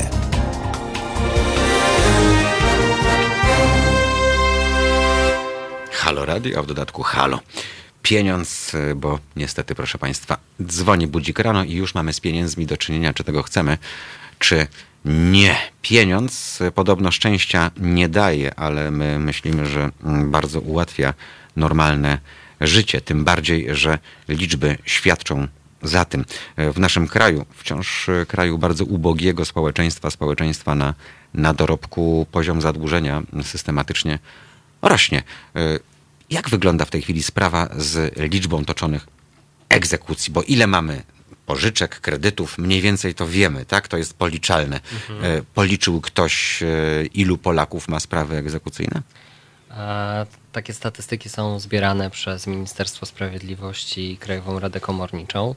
E, W ubiegłym roku e, spraw egzekucyjnych w skali kraju e, było około, jak dobrze pamiętam, 5 milionów postępowań. Mhm, ale jest to jest, 5 e, milionów w skali roku. A to jest 5 milionów osób, czy to jest mniej? 5 milionów które- spraw, Aha, tak? No, czyli może być jedna osoba, która ma pamiętać, kilka że spraw. Tak, Mhm. że, że jedna osoba może być kilka. No też musimy yy, To odejmujemy tyłu... dzieci od tego chyba z 7 milionów, tak? E, W Polsce. Y, E, Co ma No, pan chciałbym, chciałbym zobaczyć, ilu pozostało ludzi aktywnych na rynku Zawodowo. zawodowo, e, żeby sprawdzić i co której osoby e, czynnej na rynku No tak, pracy jeżeli może mamy dotyczyć. 38 milionów Polaków, Mhm. od tego oczywiście trzeba odjąć grupę, grupę tych, którzy Bez są dochodów. jeszcze niepo, Mhm. niepełnoletni, Mhm.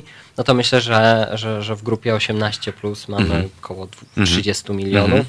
Mhm. Więc przy 5 milionach spraw, no to co szóstego Polaka dotyczy w skali roku e, sprawa egzekucyjna. Tylko też e, Statystycznie znowu, tak, bo Statystycznie jedna tak, osoba bo może mieć 10 powtórzyć, spraw, a Ale też może... trzeba Mhm. pamiętać, że e, to się potrafi zdarzyć, tak? Jeżeli zapomnimy zapłacić rachunku. Każdy ma prawo do posiadania długów, tak możemy powiedzieć. No, jest to element funkcjonowania, Mhm. tak? M- Może się zdarzyć, zapomnieć, zapłacić jakiś rachunek. No i naturalną koleją rzeczy będzie to, że wierzyciel uzyska e, de decyzję sądu, która Mhm. pozwoli na działanie komornikowi.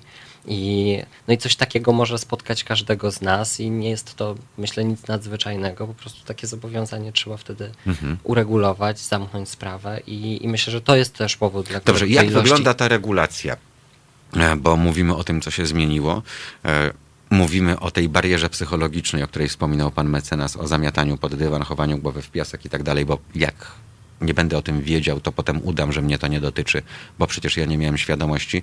E, Tymczasem e, komornik to nie jest osoba, która nam przysłowiowy e, pistolet do skroni przystawi, tylko to jest osoba, która chce zaspokoić osobę, która wystąpiła o ten tytuł, w związku z czym nie zależy mu też, żeby tego wierzyciela utopić, mówiąc kolokwialnie, prawda? Tylko tak zrobić, żeby ta regulacja zadłużenia postępowała i żeby się skutecznie zakończyła. Dokładnie tak. Na tym polega właśnie nasza Mhm. praca. E, Znaczy, mamy zrealizować... Mogłem powiedzieć krót, krótko, nie bójcie się komorników, ale e, mamy się nie bać komorników. No, To jest po prostu element e, Mhm. życia. Długi się są w stanie zdarzyć każdemu i najważniejsze, żeby umieć sobie z nimi Mhm. poradzić. Na ile szczerym można być z komornikiem? Zdecydowanie w 100%, tak, żeby naj, najlepiej e, rozwiązać problem, tak? No Mhm. bo oczywiście to też jest kwestia zaufania. Jeżeli przyjdzie ktoś do mnie i zacznie mówić pół prawdy, ćwierć Mhm. prawdy, Czyli tak jak pod prawdy, Urzędem Pracy w Radomiu, gdzie stoją najlepsze bryki, pod tych, którzy się rejestrują. Tak? No, zdecydowanie e, myślę, że łatwiej będzie osiągnąć rozwiązanie i znaleźć, Mhm. e, znaleźć dobre wyjście z sytuacji, jeżeli e, ta osoba, Bo której sprawa Pytam, bo ciągle gdzieś szczera. ten czynnik ludzki jest dla mnie istotny. No. E, A pan mówi o szczerości, więc e, taka szczerość za szczerość doprowadzi do tego, że ja nie zostanę ogolony do, No, do zera? Jasne jest, jaka kwota jest Mhm. do uregulowania. Jasne jest, jakie są pańskie możliwości. No tak? właśnie, Przepisy tak, bardzo precyzyjnie regulują, co w której sytuacji można Mhm. e, wyegzekwować, tak? z czego można zaspokoić tą należność, Mhm. która, która jest stwierdzona dokumentem, dokumentem z sądu i, e, no i tutaj nie ma bardzo dużego pola, pola do działania. Mhm. Znaczy, no, takie najprostsze pole do działania to są y, ludzie, którzy mają etaty. I to z wielu względów są łatwymi celami. Po pierwsze, płacą najwyższe podatki w tym kraju, po drugie, no jeszcze kilka innych spraw. Natomiast miliony Polaków prowadzą działalność gospodarczą i zastanawiam się, na ile ten czynnik ma wpływ na to, że jeżeli e, z działalności żyje i uzyskuje dochody, to na ile ten czynnik ludzki jest brany pod kątem tego, że jak pan za dużo ode mnie weźmie, to ja się utopię i ta działalność się przewróci, bo stracę Znaczy- płynność finansową. tak jak mówię, Mhm. To e, kwoty, które podlegają egzekucji, kwoty wolne od egzekucji, no to, To wiemy i są znamy, bardzo, tak. Mhm. bardzo e, jasno uregulowane. Tak? Jeżeli chodzi o kwestie, e, kwestie szukania niestandardowych rozwiązań, Mhm.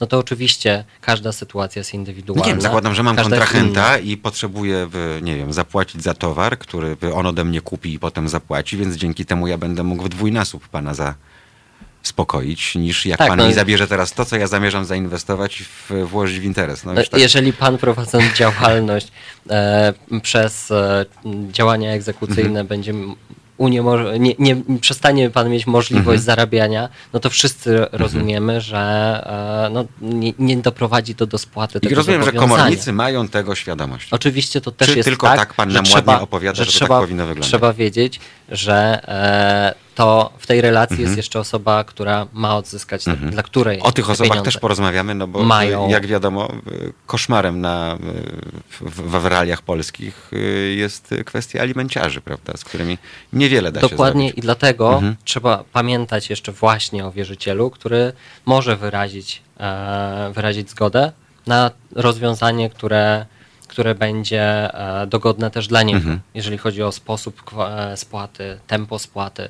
Więc to jest jeszcze jeden podmiot, o którym trzeba pamiętać. Mhm. A tu jest jeszcze pole do układance. działania w, pomiędzy tymi trzema stronami? No, wierzyciel może e, dysponować postępowaniem egzekucyjnym. Mhm. Tak? Bo komornik działa zawsze na wniosek wierzyciela. Oczywiście do tego działania potrzebna jest decyzja sądu, wyrok sądu, e, ale nie zmienia to faktu, że to wierzyciel przychodzi do komornika, e, wita się, Mhm. pokazuje dokument z sądu i wtedy prosi, prosi o podjęcie działań egzekucyjnych, tak żeby wyegzekwować tą, e, tą Mhm. I wtedy należność. dobrze która- mieć dobrego prawnika? Ja bym nawiązał właśnie tutaj Mhm. do słów pana, pana komornika, że i, przypomniałbym po pierwsze tak, że komornik i postępowanie egzekucyjne to jest ostatni etap, można powiedzieć, wymierzania sprawiedliwości, przymusowy.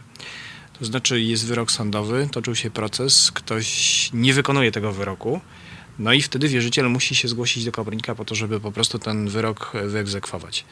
Natomiast to, że toczy się postępowanie egzekucyjne, to absolutnie nie przeszkadza w tym, żeby rozmawiać z wierzycielem, żeby ułożyć na przykład jakiś plan spłat, żeby w jakiś sposób tutaj wyko- wykorzystać też po prostu negocjacje.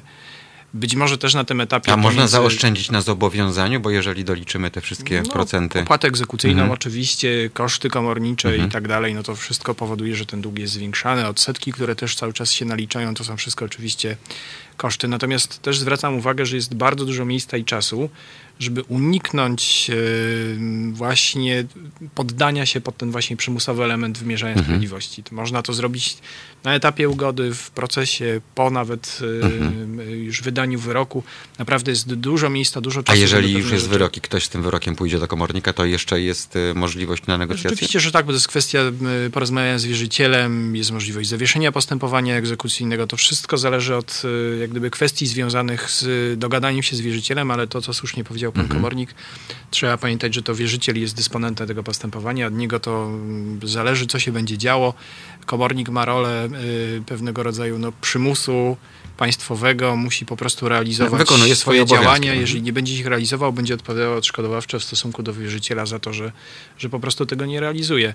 I też rzeczywiście trzeba zwrócić uwagę też na drugą stronę, bo wytworzył się społecznie taki wizerunek, że komornik jest tym takim złym No taki ch- elementem- chodzi i grabi, ale nie zwracam Tak, uwagi, który- że czasem odzyskuje pieniądze, które samotnej matce potrzebne są po to, żeby zaspokoić y, życiowo potrzeby swojego dziecka. Tak? Oczywiście, ale to jest też związane z normalnym funkcjonowaniem. Jest też przedsiębiorca, który nie tylko ma problemy z płatnościami, dlatego że po prostu jest, są postępowania egzekucyjne, ale dlatego że po prostu kontrahenci mu nie płacą. Dokładnie, tak? I wystawił on wtedy fakturę i czeka od pół roku. Musi tak, też zapłacić i uregulować Mhm. Dokładnie jakieś tak. zobowiązania swoim I pracownikom. to już się w domino robi, bo to są Dokładnie, naczynia połączone. Mhm. Wizerunkowo czy społecznie ten problem nie jest w żaden sposób tutaj e, nagłaśniany, a jest jakaś taka właśnie wizja komornika, który, który egzekwuje w, mm, Dobrze, a czy Państwa zdaniem z kolei my sami się też nie zapędziliśmy w taki kozi róg, jeśli chodzi o, o płatności, bo u nas się przyjęło, że, że nie trzeba płacić w terminie tak naprawdę. E, Te płatności należą do, do rzadkości. Nie wiem, w branży e, spożywczej, handlowej, transportowej te terminy sięgają 45, 60, nieraz 90 dni E, i wszyscy to przyjmują ze spokojem. A może gdyby właśnie ludzie nie zwlekali i nie czekali, no bo dobrze, to może nie modlili się, aż on mi w końcu zapłaci, bo wiem, że powinien mi zapłacić, bo wykonałem swoją pracę, wystawiłem za to fakturę, tak? To może też to by inaczej troszkę, e, troszkę wyglądało. Może tutaj też jest pole do popisu z takim pozytywnym marketingiem e, komorniczym. Myślę, że znowu wracamy do, do, tego, do tego problemu Mhm. reagowania. Tak, to, to, to, co wcześniej e, pan mówił o odbieraniu No bo, korespondencji. przepraszam, większość Jeżeli to są jednoosobowe działalności, więc wiadomo, że dla tych ludzi to jest jedyny dochód i to dochód y, bardzo często nader skromny, tak? Jeżeli odwlekamy coś, no to ten problem nam zostaje, tak? On ewentualnie urośnie. Myślę, że tak samo jest z tymi płatnościami, które ktoś nam e, zalega. Jeżeli będziemy czekać, zwlekać, no to ten okres do momentu odzyskania tych należności też będzie się wydłużał, więc e, tak samo jak należy jak najszybciej odebrać korespondencję, myślę, że jak najszybciej trzeba próbować reagować i dochodzić No też tak, ale swoich to bę- należności. będę faceta ścigał, to on pomyśli, że kto ja jestem, to tak nie wypada, a może mu się coś nie, nie, też nie udało i on mi zapłaci, ale teraz nie ma. No tylko ta logika Znowu doprowadza psychologia, do, no. do absurdów. No tak. Ale tak jest często, bo nie wiem, ktoś nie ma, żeby zapłacić ZUS, bo ktoś mu nie zapłacił y, faktury, ale ZUS już musi zapłacić, bo inaczej bezwzględnie To będzie może powinniśmy dojść do początku tego łańcucha. Znaczy ja myślę, że idealne rozwiązanie nie jest możliwe, Mhm. natomiast y, czasy takich potężnych zatorów płatniczych, kiedy rzeczywiście dochodziło do takiego lawinowego w ogóle nieregulowania zobowiązań, trochę minęły. Wydaje mi się, że ten obrót gospodarczy, który jest Mhm. No ale teraz... mamy sprawę Henryka Kani, prawda? Głośną bardzo ostatnio. Tak, tak, tak, no ale to jest jakaś skomplikowana, duża sprawa z elementami jeszcze jakimiś podatkowymi, ja jej nie znam dokładnie, natomiast y, to są wyjątkowe już sytuacje. Kiedyś było rzeczywiście tak, że te zatory płatnicze były masowe, dużo się zmieniło. Czyli moda na niepłacenie się skończyła. Trochę tak. Mam wrażenie, że podejście też y, ogólne jest takie, że no, niepłacenie jest pewnego rodzaju, no nie, na pewno nie jest powodem do dumy. Mhm. Jest to pewnego rodzaju mm, coś passé, coś, co nie wypada, mm, utrudnia normalne funkcjonowanie, jest oce- oceniane po prostu bardzo, bardzo, Mhm. e, bardzo negatywne. E, I są też nowe możliwości w ogóle wyjścia ze spirali długów. Kiedyś tego nie było. Jest na przykład upadłość konsumencka która została bardzo też złagodzona w ostatnim okresie czasu, jest dużo prostsza niż upadłość przedsiębiorców. Kiedyś była tylko i wyłącznie możliwa Mhm. upadłość dla przedsiębiorców. Teraz każda osoba fizyczna, w której no, nie powiodło się, ma prawo do takiego troszeczkę zresetowania. I też dobrze, życia. że po pewnym okresie funkcjonowania tych przepisów e, sprawiono, że te przepisy zaczęły bardziej do życia przystawać, bo pamiętamy, że było tak, że tam w ciągu roku pozwoliło sobie na upadłość pięć osób. Tak, ale to, to zostało dostosowane nagle do tak realiów jest. życiowych. Mhm. To, to postępowanie jest odformalizowane. Tak Teraz jest. jest. w ogóle też możliwa upadłość osób, które w pewien sposób zaniedbały swoje mm, gospodarowanie Mhm. po prostu majątkiem w jakiś taki dosyć niefrasobliwy sposób. Więc wszystkie te rygory zostały złagodzone. Jest łatwiej. Wizja jest taka, Mhm. że każdy po prostu ma prawo do wyjścia z tej spirali. e, Można to wykorzystać w I jakiś ludzie sposób. zaczęli z tego korzystać. Tak, Bo liczby to pokazują. Przekazują to, właśnie. Tak, jest, Mhm. jest to przyjęte, jest to, można powiedzieć, oswojony mechanizm, z którego ludzie korzystają. Mhm, w pierwszym roku, tak jak wspomniałem, można było na palcach jednej ręki policzyć tych, którzy się zdecydowali, tylko dlatego, że z punktu widzenia formalnego e, nie mogli. Teraz już to wygląda zupełnie, zupełnie inaczej. E, Co z osobami, które ukrywają się za granicą? Na przykład taki rzeczony alimenciarz, e, który nie płaci, ale wyjechał sobie na zmywak i tam sobie fajnie żyje. Jest jakaś możliwość, żeby go ścignąć skutecznie? No, bardzo dużo zależy od e, tego, do którego kraju wyjechał. Jeżeli mówimy o Unii Europejskiej, to e, funkcjonują mechanizmy, które pozwalają w dość łatwy sposób dochodzić należności alimentacyjnych w poszczególnych krajach e, członkowskich Unii. E, więc tak na dobrą sprawę, tak w tym wypadku te mechanizmy są łatwe, dość Ale czy właśnie komornik tak, takimi wierzycielami transgranicznymi się zajmuje? Znaczy, komornik polski prowadzi postępowanie w granicach e, Polski. Mhm. Jeżeli mówimy o dłużniku, który za, zaczął zarabiać w Niemczech, we Francji, e, No to jak to, To wtedy- skutecznie przeprowadzić? to wtedy, wtedy e, takie postępowanie Mhm. będzie prowadził komornik w odpowiednim e, kraju. Pośredniczą przy tym sądy okręgowe, Mhm. Które pomagają w skierowaniu tego postępowania egzekucyjnego do odpowiedniego organu w, Mhm. w innym kraju. Więc e, ta ścieżka jest rzeczywiście, rzeczywiście dość, e, dość dobrze Mhm. opracowana, tak żeby można było e, względnie łatwo te należności Mhm. odzyskiwać. 22 39 059 22, gdyby mieli Państwo jeszcze jakieś pytania, bo my z Państwem jeszcze będziemy przez e, 40 e, minut. E, Panie mecenasie, wróćmy do spraw bankowych. e, Ponieważ e, mówiliśmy o tym wyroku e, TSUE, czy to znaczy, że ten wyrok TSUE to jest e, coś, co innym sędziom orzekającym w e, Polsce e, da e, pewien asumpt do tego, żeby, żeby te sprawy traktować inaczej, tak jak rzeczony przez pana sędzia, od którego wszystko się to zaczęło. Pytam dlaczego? Pytam dlatego, że y, to są wszystko jednak wielkie korporacje, które stać na, e, właśnie na tę walkę e, z klientami. Mało tego, one też potrafią liczyć w końcu to, to banki i wiedzą, jeżeli ta sprawa Frankowiczów pójdzie lawinowo, to te straty, o których pan wspominał przy innej okazji, mogą być dla banków naprawdę potężne. Znaczy to już widać w praktyce funkcjonowania banków, dlatego że przy podziałach banków, przy procedurach związanych z zakupami e, banków wydziela się po prostu Złe tą, portfele, część, tak? Mhm. tą część banku, która obsługuje kredyty hipoteczne, ona sobie zostaje. E, Moim zdaniem jest to działanie przemyślane i jest to pewnego rodzaju po prostu próba Czyli wszyscy wiedzą, że to jest takie, taki zbóg, takie popsute jajo. No tak, albo Mhm. zastanawiają się, że na wszelki wypadek może zostawmy to, zobaczymy jeszcze w, w którym to kierunku wszystko y, pójdzie. Tak jak mówiłem Państwu, y, bardzo zmieniła się po prostu mentalność. Teraz mówimy tylko i wyłącznie o skutkach. Rzeczywiście duża grupa sędziów po prostu zawieszała postępowania do czasu Do wyroku czasu, TSUE. mhm. One są teraz masowo y, odwieszane. Ciekawe jest to, że teraz w zasadzie prawnicy czy kancelarie, które obsługują banki, próbują wykorzystywać ten y, mechanizm pytań do TSUE trochę w drugą stronę. To Czyli znaczy, żeby zatkać system. żeby Mhm. opóźnić procesy, dlatego że długo czekaliśmy na te pytania, na odpowiedź na pytania prejudycjalne. To teraz y, bardzo często w tych procesach pojawiają się z kolei taka inicjatywa ze strony kancelarii, z drugiej strony reprezentujących banków, y, próba namówienia sądu, żeby to sąd na, po prostu zadał te pytania. Mhm.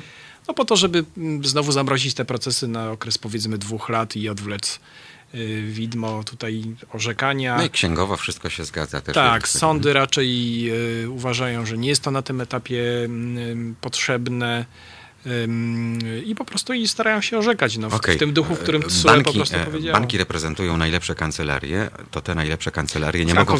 Też. E, tak, ja wiem i to chciałem podkreślić z całą stanowczością, natomiast czy, e, czy te kancelarie nie mogą pójść tropem pana mecenasa i zanim dojdzie do postępowania sądowego powiedzieć klientowi, słuchaj, dogadajmy się, przeliczymy to jeszcze raz, może spróbujemy znaleźć rozwiązanie. To jest potężny problem. Bo tak się zastanawiam, skoro to jest potężny problem, to nie łatwiej byłoby właśnie załatwić to w ten sposób? Łatwiej byłoby, oczywiście, tylko że na razie nie ma moim zdaniem pola do Wszyscy by dyskusji. odetchnęli, panie mecenasie. Oczywiście, że tak. Ja też wolałbym zawierać ugody, skracać sobie te procesy, mieć większą rzeszę szybciej zadowolonych po prostu w ten sposób klientów, którzy będąc zadowoleni będą je polecali dalej innym klientom. Jest to naturalne. Marketing szeptany, To- najlepszy tak, to z nie jest, możliwych. To nie o to chodzi, że my tutaj jesteśmy bardzo tylko i wyłącznie nastawieni na wątek procesowy, że musi być proces No, i musi być, sprawę, bo to musi wiadomo. być ten- sąd i tak dalej. Nie, absolutnie nie. Mamy taką filozofię, że czasami właśnie prostsza, tańsza usługa prowadzi do szybszego zadowolenia klienta i e, polecenia następnym Mhm. klientom. Natomiast dlaczego nie ma pola dla, do negocjacji z bankami No, przynajmniej? to jest takie oczywiste. Y, Sądy w ogóle na wczesnym etapie bardzo na- namawiały do negocjacji i do spotkania się. Natomiast banki, trochę rozumiem też politykę i mentalność banków i kancelarii, które są po drugiej stronie. Dlatego, że zawierając ugodę, Przyznają się do porażki. musiałyby mm, uznać pewnego rodzaju argumenty, które systemowo wszystkie te sprawy albo sprawy z danego portfela dotyczące bardzo podobnych umów kładłyby. Ale nie mamy prawa precedensów w Polsce. Nie mamy prawa precedensów, natomiast oczywistym jest, że wszystkie kancelarie, wiedząc o jakiejś ugodzie, Mhm. wiedząc o tym, że banki pewnego rodzaju argumentację no, przyjmują już jako argumentację niebudzącą wątpliwości, de facto załatwiają sobie negatywnie dany portfel po prostu procesów. Spraw e, frankowych gdzieś tam w zanadrzu mamy powiedzmy około jeszcze myślę 400 tysięcy, bo tyle jest mniej więcej e, kredytów, tyle jest problemów. W sądach jest to maksymalnie kilkanaście na razie tysięcy. Czyli, przepraszam, Więc panie to jest- mecenasie, 400 tysięcy razy 4, bo liczmy, że rodzina ma tak zaangażowanych tyle osób w kredyt, To jest- prawda? to jest To jest ogromna- jakieś przynajmniej z półtora miliona ludzi w Polsce.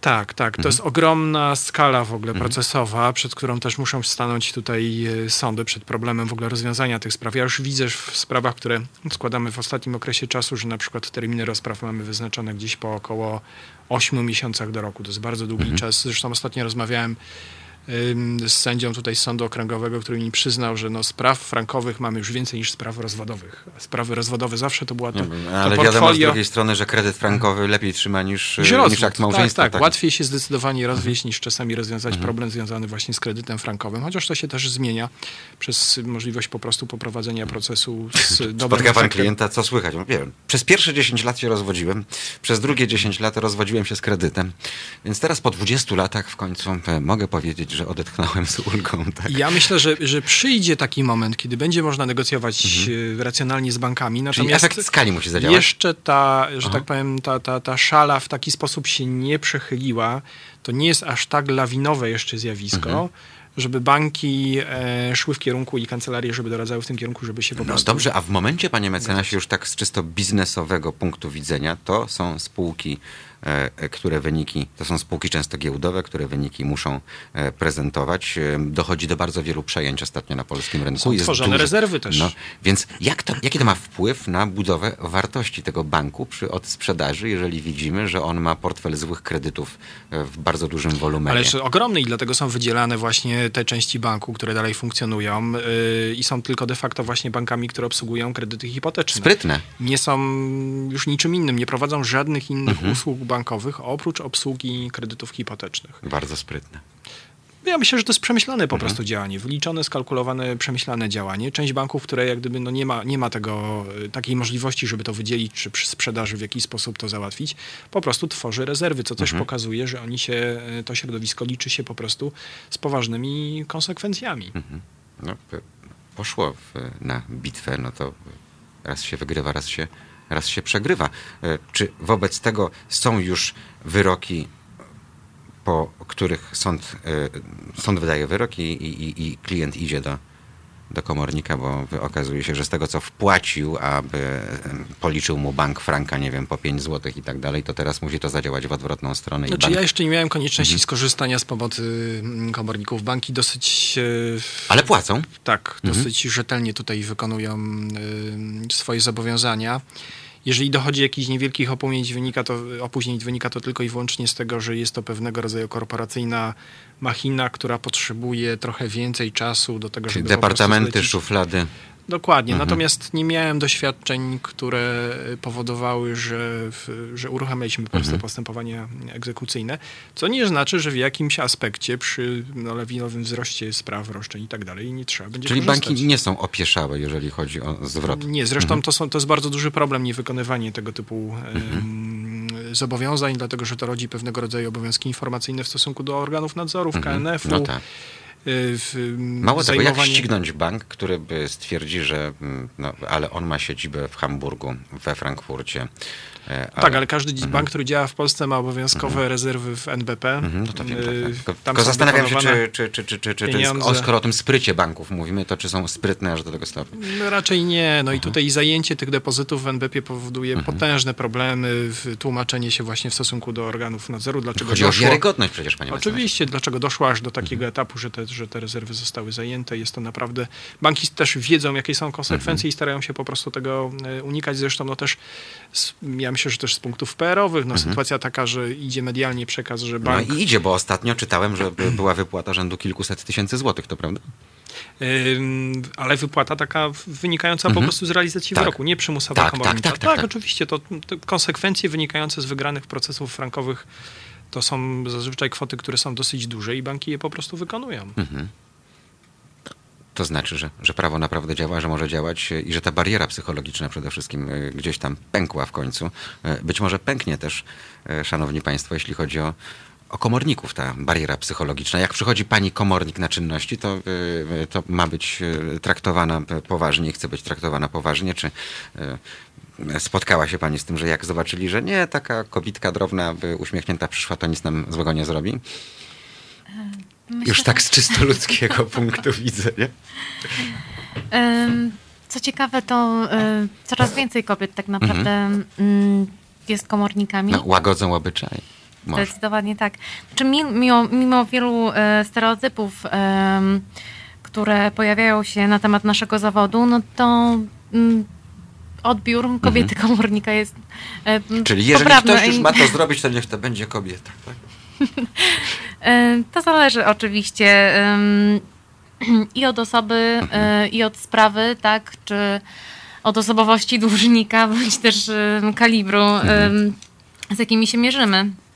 E, Także no, wszystko zależy od człowieka i, Mhm. i na to trzeba mieć szczególną, szczególny wzgląd i szczególną uwagę. No, zastanawiam się tylko by właśnie, bo na przykład wiemy, że kobieta czuje się lepiej, jeżeli ma sprawę o alimenty i e, sędzina jest e, tej samej płci, prawda, i tak dalej, i tak dalej. Czy podobne przypadki są również, jeśli chodzi o, o komorników, na przykład e, matka dzieci, która ma wyrok, chętniej przyjdzie do pani niż do komornika mężczyzny? bo będzie miała, nie wiem, większą szansę na, na zrozumienie, a tym samym na skuteczność, na bliższe zajęcie się sprawą? Tak z czysto życiowego punktu widzenia? Myślę, że je, jest to możliwe, Mhm. em, ale mm, no, trzeba pamiętać, że we wszystkim jakby co, co robimy, to, to liczy się człowiek Mhm. i em, najważniejsze jest przede wszystkim godność i sposób postępowania e, z innym No, człowiekiem. chcemy, żeby tak było, stąd konieczność rejestracji, prawda, czynności na przykład. przy nagrywaniu. Ja e, też chciałbym jeszcze dodać, że tak na dobrą sprawę to no my mamy wykonać nasze zadania i to, czy to komornik jest mężczyzną, czy kobietą, to, to Drugorzędne. No jest tak, ale panie. Dawidzie, znowu wracam do tego, do drugiej z Zuzi, typu kotka też zlicytujemy, prawda? Bo no, wszystko zależy od człowieka tak naprawdę. No. Tak, no, to, to, to I, i, do tego nie, nie, nie Jest zaprzeczę. przed dziewiątą, dziecko wstaje do szkoły i smutni panowie wynoszą biurko, tak? No, No, to jest kwestia standardów, które, O, które wynikają na pewno z, Dobrze, że pan to powiedział. Z, e, no, z, z cech osobowych, Mhm. które musi spełniać osoba e, pełniąca funkcję komornika Mhm. sądowego. Tak jak już mówiliśmy, tak 9 lat nauki to nie tylko nauka przepisów, no ale też kwestia tego, żeby nauczyć się rozumieć pewne sytuacje. Ale zdaje pan sobie tym, sprawę z tego, że potem taka czarna owca się trafia jak y, z północnej Polski. Zresztą ten komornik poszedł już do więzienia, potem z tego więzienia wyszedł, że wystarczy taka jedna czarna owca i, i, I całe, środ całe środowisko, nie tam, że kilku okolicznych, tak? tylko całe środowisko na tym traci. Tak, tylko to, to chyba ma zastosowanie w, Mhm. w, każdym, w każdym zawodzie i tak samo zdarzy się czarna owca wśród adwokatów, dziennikarzy, e, więc no, nie jesteśmy w stanie pewnie zapobiec e, temu, że, że pojawia, się, pojawia się taka sytuacja. No najważniejsze, żebyśmy umieli jak najszybciej Mhm. to, co też już mówiliśmy, zresetować system, naprawić, naprawić, naprawić e, błąd, który się pojawił e, i E, no i dbać o to, żeby na przyszłość e, takich problemów no, nie mieć. Mhm. No tak, A budowanie wizerunku to są lata, lata pracy. A traci się go w lata- sekundę, prawda? Zrobić Lata to. doświadczeń, Mhm. lata naprawdę bardzo ciężkiej, wytężonej działalności. Natomiast czarny PR z szybkością błyskawicy Mhm. potrafi po prostu ten wizerunek zburzyć e, w- i zmienić go Jak radykalnie. chińska grypa. To my, my zaproponujemy Państwu, żeby się teraz zresetowali przy muzyce, a my już za chwil kilka wracamy. Halo Radio. Pierwsze radio z wizją. Radio z wizją Halo. Radio i audycja Halo Pieniądz. Przypomnę Państwu, w każdy wtorek spotykamy się między godziną 17 a 19.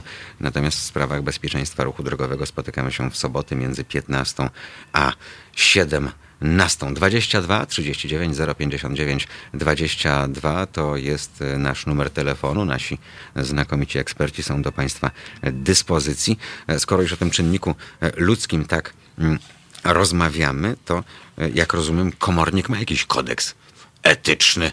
Czy państwo jako grupa zawodowa pilnują tego, żeby pewne rzeczy były oczywiste, a do pewnych nie, nie dochodziło? Jak to się ma z punktu widzenia korporacji? Wiem, że to brzydko brzmi korporacja, ale e, taką grupę państwo stanowią.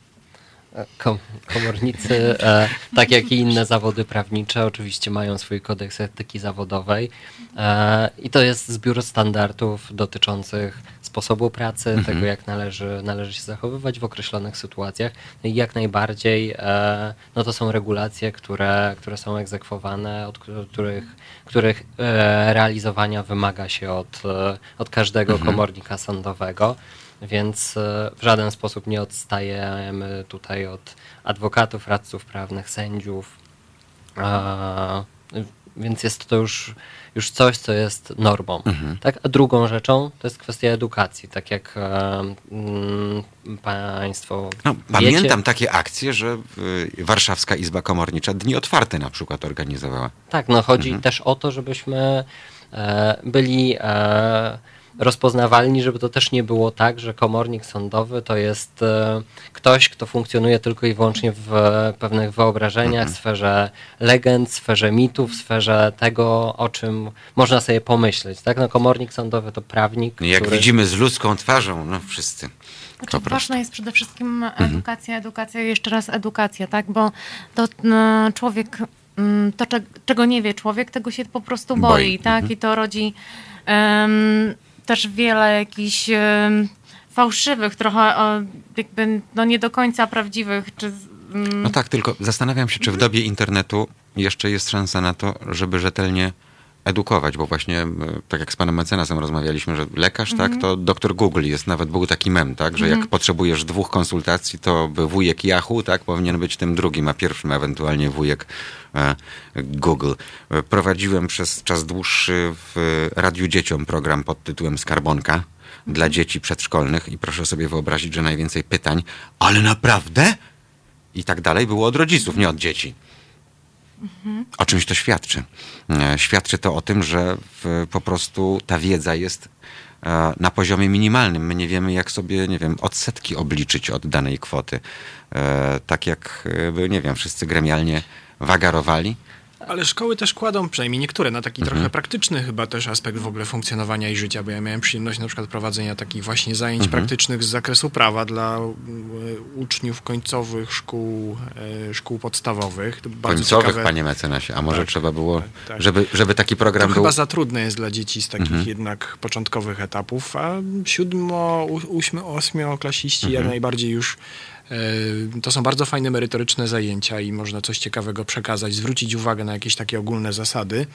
E, Także w tym kierunku to też idzie i też nie przekreślajmy tego. Ta edukacja rzeczywiście jest, e, trzeba ją cały czas wspomagać. Tylko zastanawiam się, panie mecenasie, dlaczego Czesi potrafili to wpisać do programu szkolnego i to jest po prostu taka edukacja ekonomiczna i to na poziomie szkoły podstawowej właśnie, czyli oswajanie z tą istotą pieniądza od najmłodszych lat, czyli nie wiem, w formie zabawy i ciekawostek, nie wiem, w pierwszych latach początkowych, tak, e, skłaniania chociażby do tego, żeby to, co kiedyś było, mieliśmy swoje SKO, prawda, w szkole, do tego, żeby się z tym wszystkim oswajać.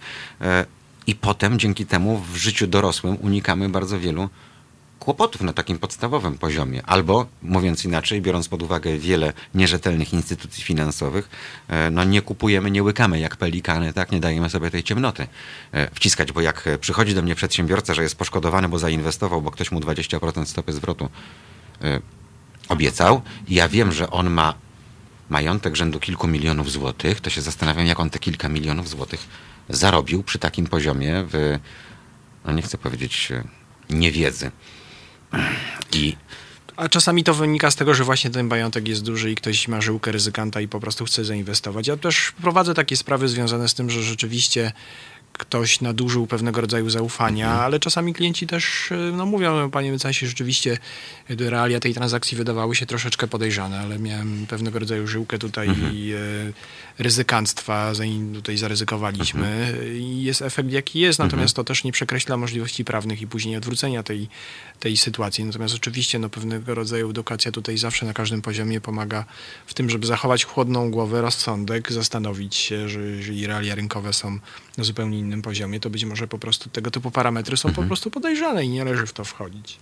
No tak. E, zastanawiam się tylko, czy wobec tego, że państwo ani samorządy na poziomie, nie wiem, e, szkół e, nie organizują tego typu nauki, to czy właśnie poszczególne korporacje nie powinny wzorem. A to Izby, chyba dbamy o to. E, takich działań edukacyjnych już dla dorosłych i, i moja prowadzić. korporacja mhm. tak stara się i państwa e, tutaj też można dostrzec inicjatywę w tym, żeby uświadamiać ludzi, że są e, pewnego rodzaju możliwości. Może te akcje nie są tak bardzo mhm. medialnie nagłośnione, jak... No mamy Noc Muzeów, może powinien być, nie wiem, Dzień Prawników. Tylko trzeba uważać.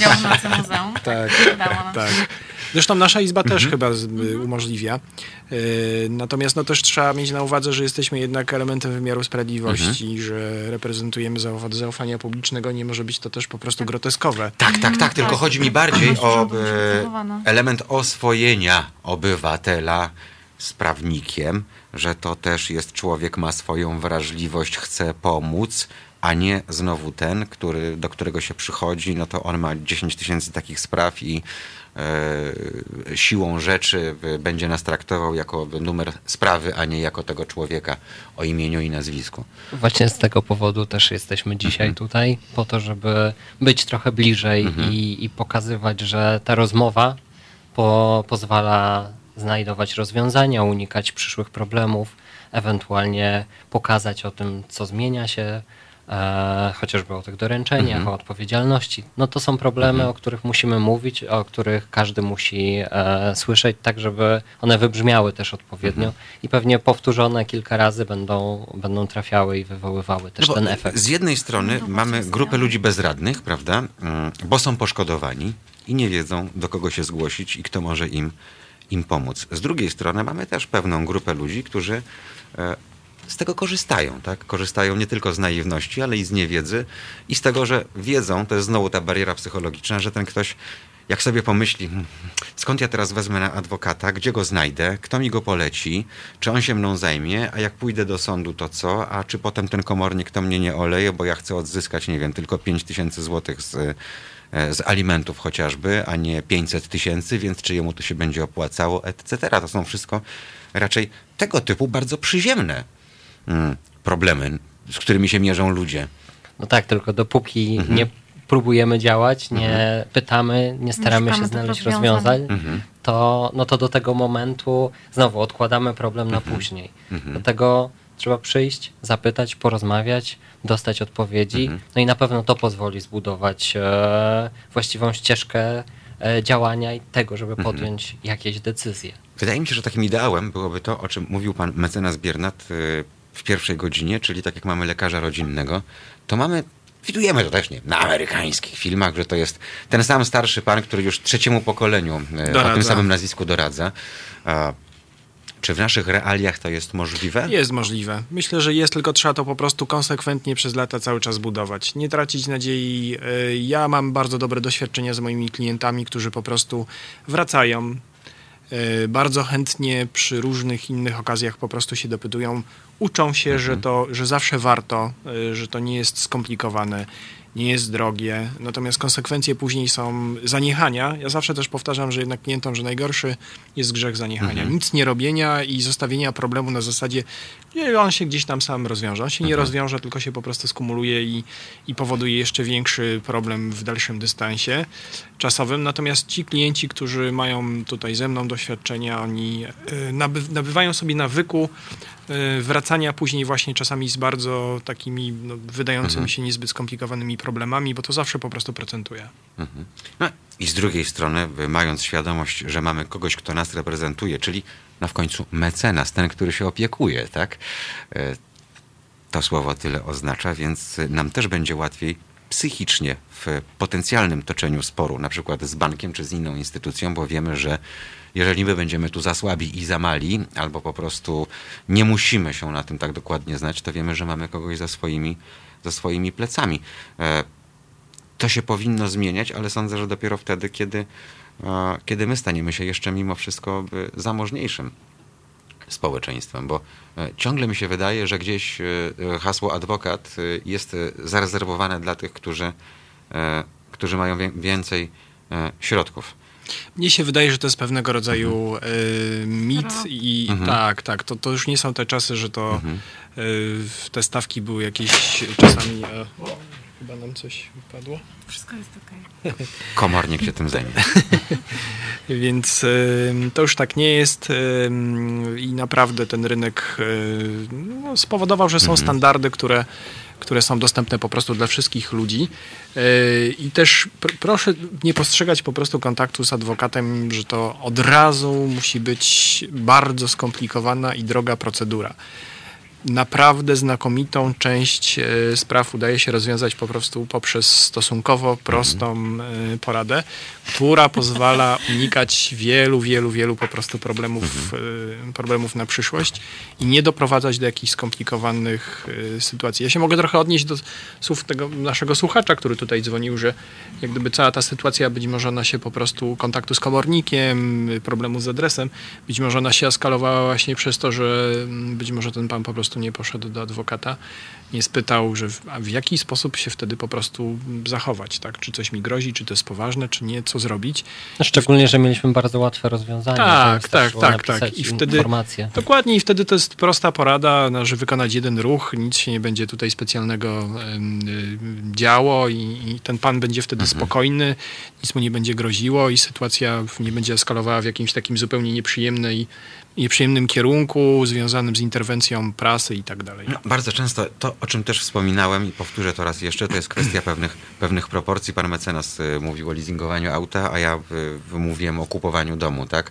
Jeżeli majątek naszego życia kładziemy na szali, to I zobowiązanie, które zazwyczaj jest na Prawda? bardzo długi okres czasu, bo jest kredytowane na przykład przez 30 lat, no to wtedy naprawdę warto się zastanowić, jakie konsekwencje mogą y, na człowieka Bo to nawet nie jest spaść. 1% tej kwoty, którą musimy przeznaczyć. To mnie zastanawia, że są pewne rzeczy, na których wręcz oszczędzać nie wolno, bo to nas może kosztować dużo, dużo więcej. Ale to, co się też dzieje na rynku, to, co z tym się, z Mhm. czym się stykamy w, ostatnio w rzeczywistości naszej, tutaj polskiej, no powoduje refleksję Mhm. i e, takie nastawienie, że jednak warto przed tego typu decyzjami po prostu pójść po poradę. Mhm. No i przypomnijmy, że wszystkie takie sprawy, chociażby jak, jak sprawy Frankowiczów, e, powodują, że gdzieś ta bariera psychologiczna też znika, e, bo na początku to też e, byli ludzie, którzy byli jak takie a, unicorny, prawda, jednorożce. Ci, którzy zdecydowali się pójść na drogę sądową. Oczywiście byli postrzegani trochę, w, że w zasadzie czego oni chcą, przecież... e, Filmów się naoglądali. Tak, Mhm. filmów się nie oglądali, tam na amerykańskie procesy i, i z takim przymrużeniem trochę po prostu y, oczu. Też no, środowiska tutaj z ramienia banków też wytwarzały pewnego rodzaju klimat, że lepiej nie iść, nic nie robić, to jest niewarta gra, niewarta świeczki, być może tylko prawnicy się na tym dorobią. Yy, tak jak wspominałem, upłynęło no dużo czasu, upłynęły 3 lata i zupełnie inne realia mamy po prostu teraz. Zupełnie inaczej to wygląda. No i miejmy nadzieję, że sędziowie też się do tych realiów szybko dostosują. To znaczy, że im więcej spraw będą rozstrzygać, z im większą liczbą akt będą się zapoznawać, Zapoznawać. to ich wiedza, panie mecenasie, będzie rosła, bo pamiętamy e, jak z łapanki szukano sędziów do rozstrzygania w sprawach stricte gospodarczych, e, gdzie było w ogóle mało sędziów, którzy by się na rzeczy znali. W pewnym momencie od tego y, ustawodawca odszedł, wprowadził w zasadzie te sądy gospodarcze zostały zmarginalizowane. Natomiast teraz jest z powrotem powrót do procedury gospodarczej. Mówi Bo to się jest też- znowu oszczędność pieniędzy, czasu, Oczywiście, to jest- emocji. To nawet y, kognicja sądu cywilnego jest po prostu ogromna, bo Mhm. sędzia cywilny się generalnie powinien zajmować od spraw rozwodowych przez sprawy o dobra osobiste, Mhm. Po sprawy frankowe. To jest naprawdę bardzo trudne do opanowania w dobry sposób dla y, prawnika. O tym mówię. I to musi iść w kierunku Mhm. specjalizacji. Jest teraz na przykład pomysł stworzenia sądów, które będą się zajmowały stricte na przykład prawami autorskimi, prawami własności Mhm. e, Intelektualnej. intelektualnej, Mhm. bo to są też bardzo skomplikowane sprawy. My też się w Szczególnie praktyce... dziś w dobie e, Tak, my się też w praktyce przepływu bardzo mocno spotykamy i, i, i, tutaj mamy pewnego rodzaju bardzo mocne doświadczenia rynkowe i bardzo ciężko czasami po prostu prowadzić dialog w sytuacji, kiedy no, sędzia ym, nie do końca jak gdyby te sprawy czuje, te wszystkie niuanse, on się też musi uczyć, tak samo jak my się po prostu uczymy. Natomiast no, nie ma też adwokatów, którzy znają się na wszystkim, prawda? I ciężko też wymagać od sędziego, że on się też będzie perfekcyjnie znał, a tak, tak, takie są teraz założenia ustawowe, na tak szerokim e, spektrum. Ja uważam, że ta specjalizacja powinna nastąpić. Powinien być pewnego rodzaju e, podział tutaj. To też usprawni postępowania, dlatego że e, sędziowie będą doskonale po prostu znać ramy i czynności, które są w danej kategorii spraw po prostu potrzebne. Hmm, oby tak faktycznie, oby tak faktycznie e, było. Natomiast e, już tak na zakończenie Państwo sądzą, że mm, ten wizerunek się, no nie wiem, nie tyle ociepli, co e, społeczeństwo zacznie postrzegać e, komorników właśnie jako tych dobrodziei, którzy mnie z kłopotów wyławiają, bo na przykład ścigają wierzycieli e, i dzięki temu ja mogę odzyskać e, swoje pieniądze, czy dalej będzie ten taki no wiesz, hasło komornik powoduje, e, że włoski nam na rękach stają dęba. A ja myślę, że od komorników wszyscy oczekują przede wszystkim profesjonalizmu. Mhm. Tego, żeby komornik, mając wyrok sądu, wykonał go zgodnie z przepisami i, no i też skutecznie, tak? I. Każda osoba, oczywiście. Więc e, to, jest, e, to jest to, e, na czym się koncentrujemy, Mhm. do, dokąd zmierzamy. Tak, żeby komornik był przede wszystkim, jest profesjonalistą, który ma wykonać decyzję sądu Mhm. sprawnie, skutecznie, pamiętając o, o tym, kogo dotyczy, pamiętając o tym, że każda sprawa jest indywidualna i, e, i mając naprawdę no, ca, całe spektrum e, emocji ludzkich też z tyłu głowy. No właśnie, bo ucieszyłem się z tego, co pani Małgorzata powiedziała, że e, e, ten czynnik ludzki jest bardzo często brany pod uwagę.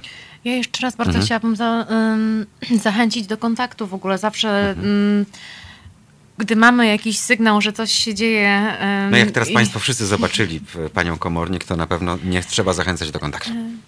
Dziękuję, ale y, głównie chodzi mi o to, że najważniejsza po prostu jest rozmowa, Mhm. tak? I zawsze, e, zawsze warto więcej wiedzieć, bo Mhm.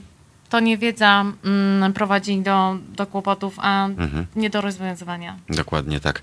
E, Szanowni Państwo, bardzo uprzejmie e, dziękuję za wizytę e, w studiu. Zacząłem przedstawiać od końca naszych gości na początku audycji, to pożegnam ich w odwrotnej kolejności. Pan mecenas Dawid Biernat, bardzo uprzejmie dziękuję za wizytę. Dziękuję Państwu, dziękuję Panie studiu mecenas, który prowadzi sprawy Frankowiczów i to prowadzi z wysoką skutecznością. Pani Małgorzata Kulik, e, komornik, nie komorniczka, bo mi się to może być solniczka, tu jest komornik i komornik pan Dawid Paleczny. Dziękuję Dziękuję. uprzejmie. Dziękuję bardzo. Mariusz Gzyl. Zapraszam w sobotę. Do usłyszenia.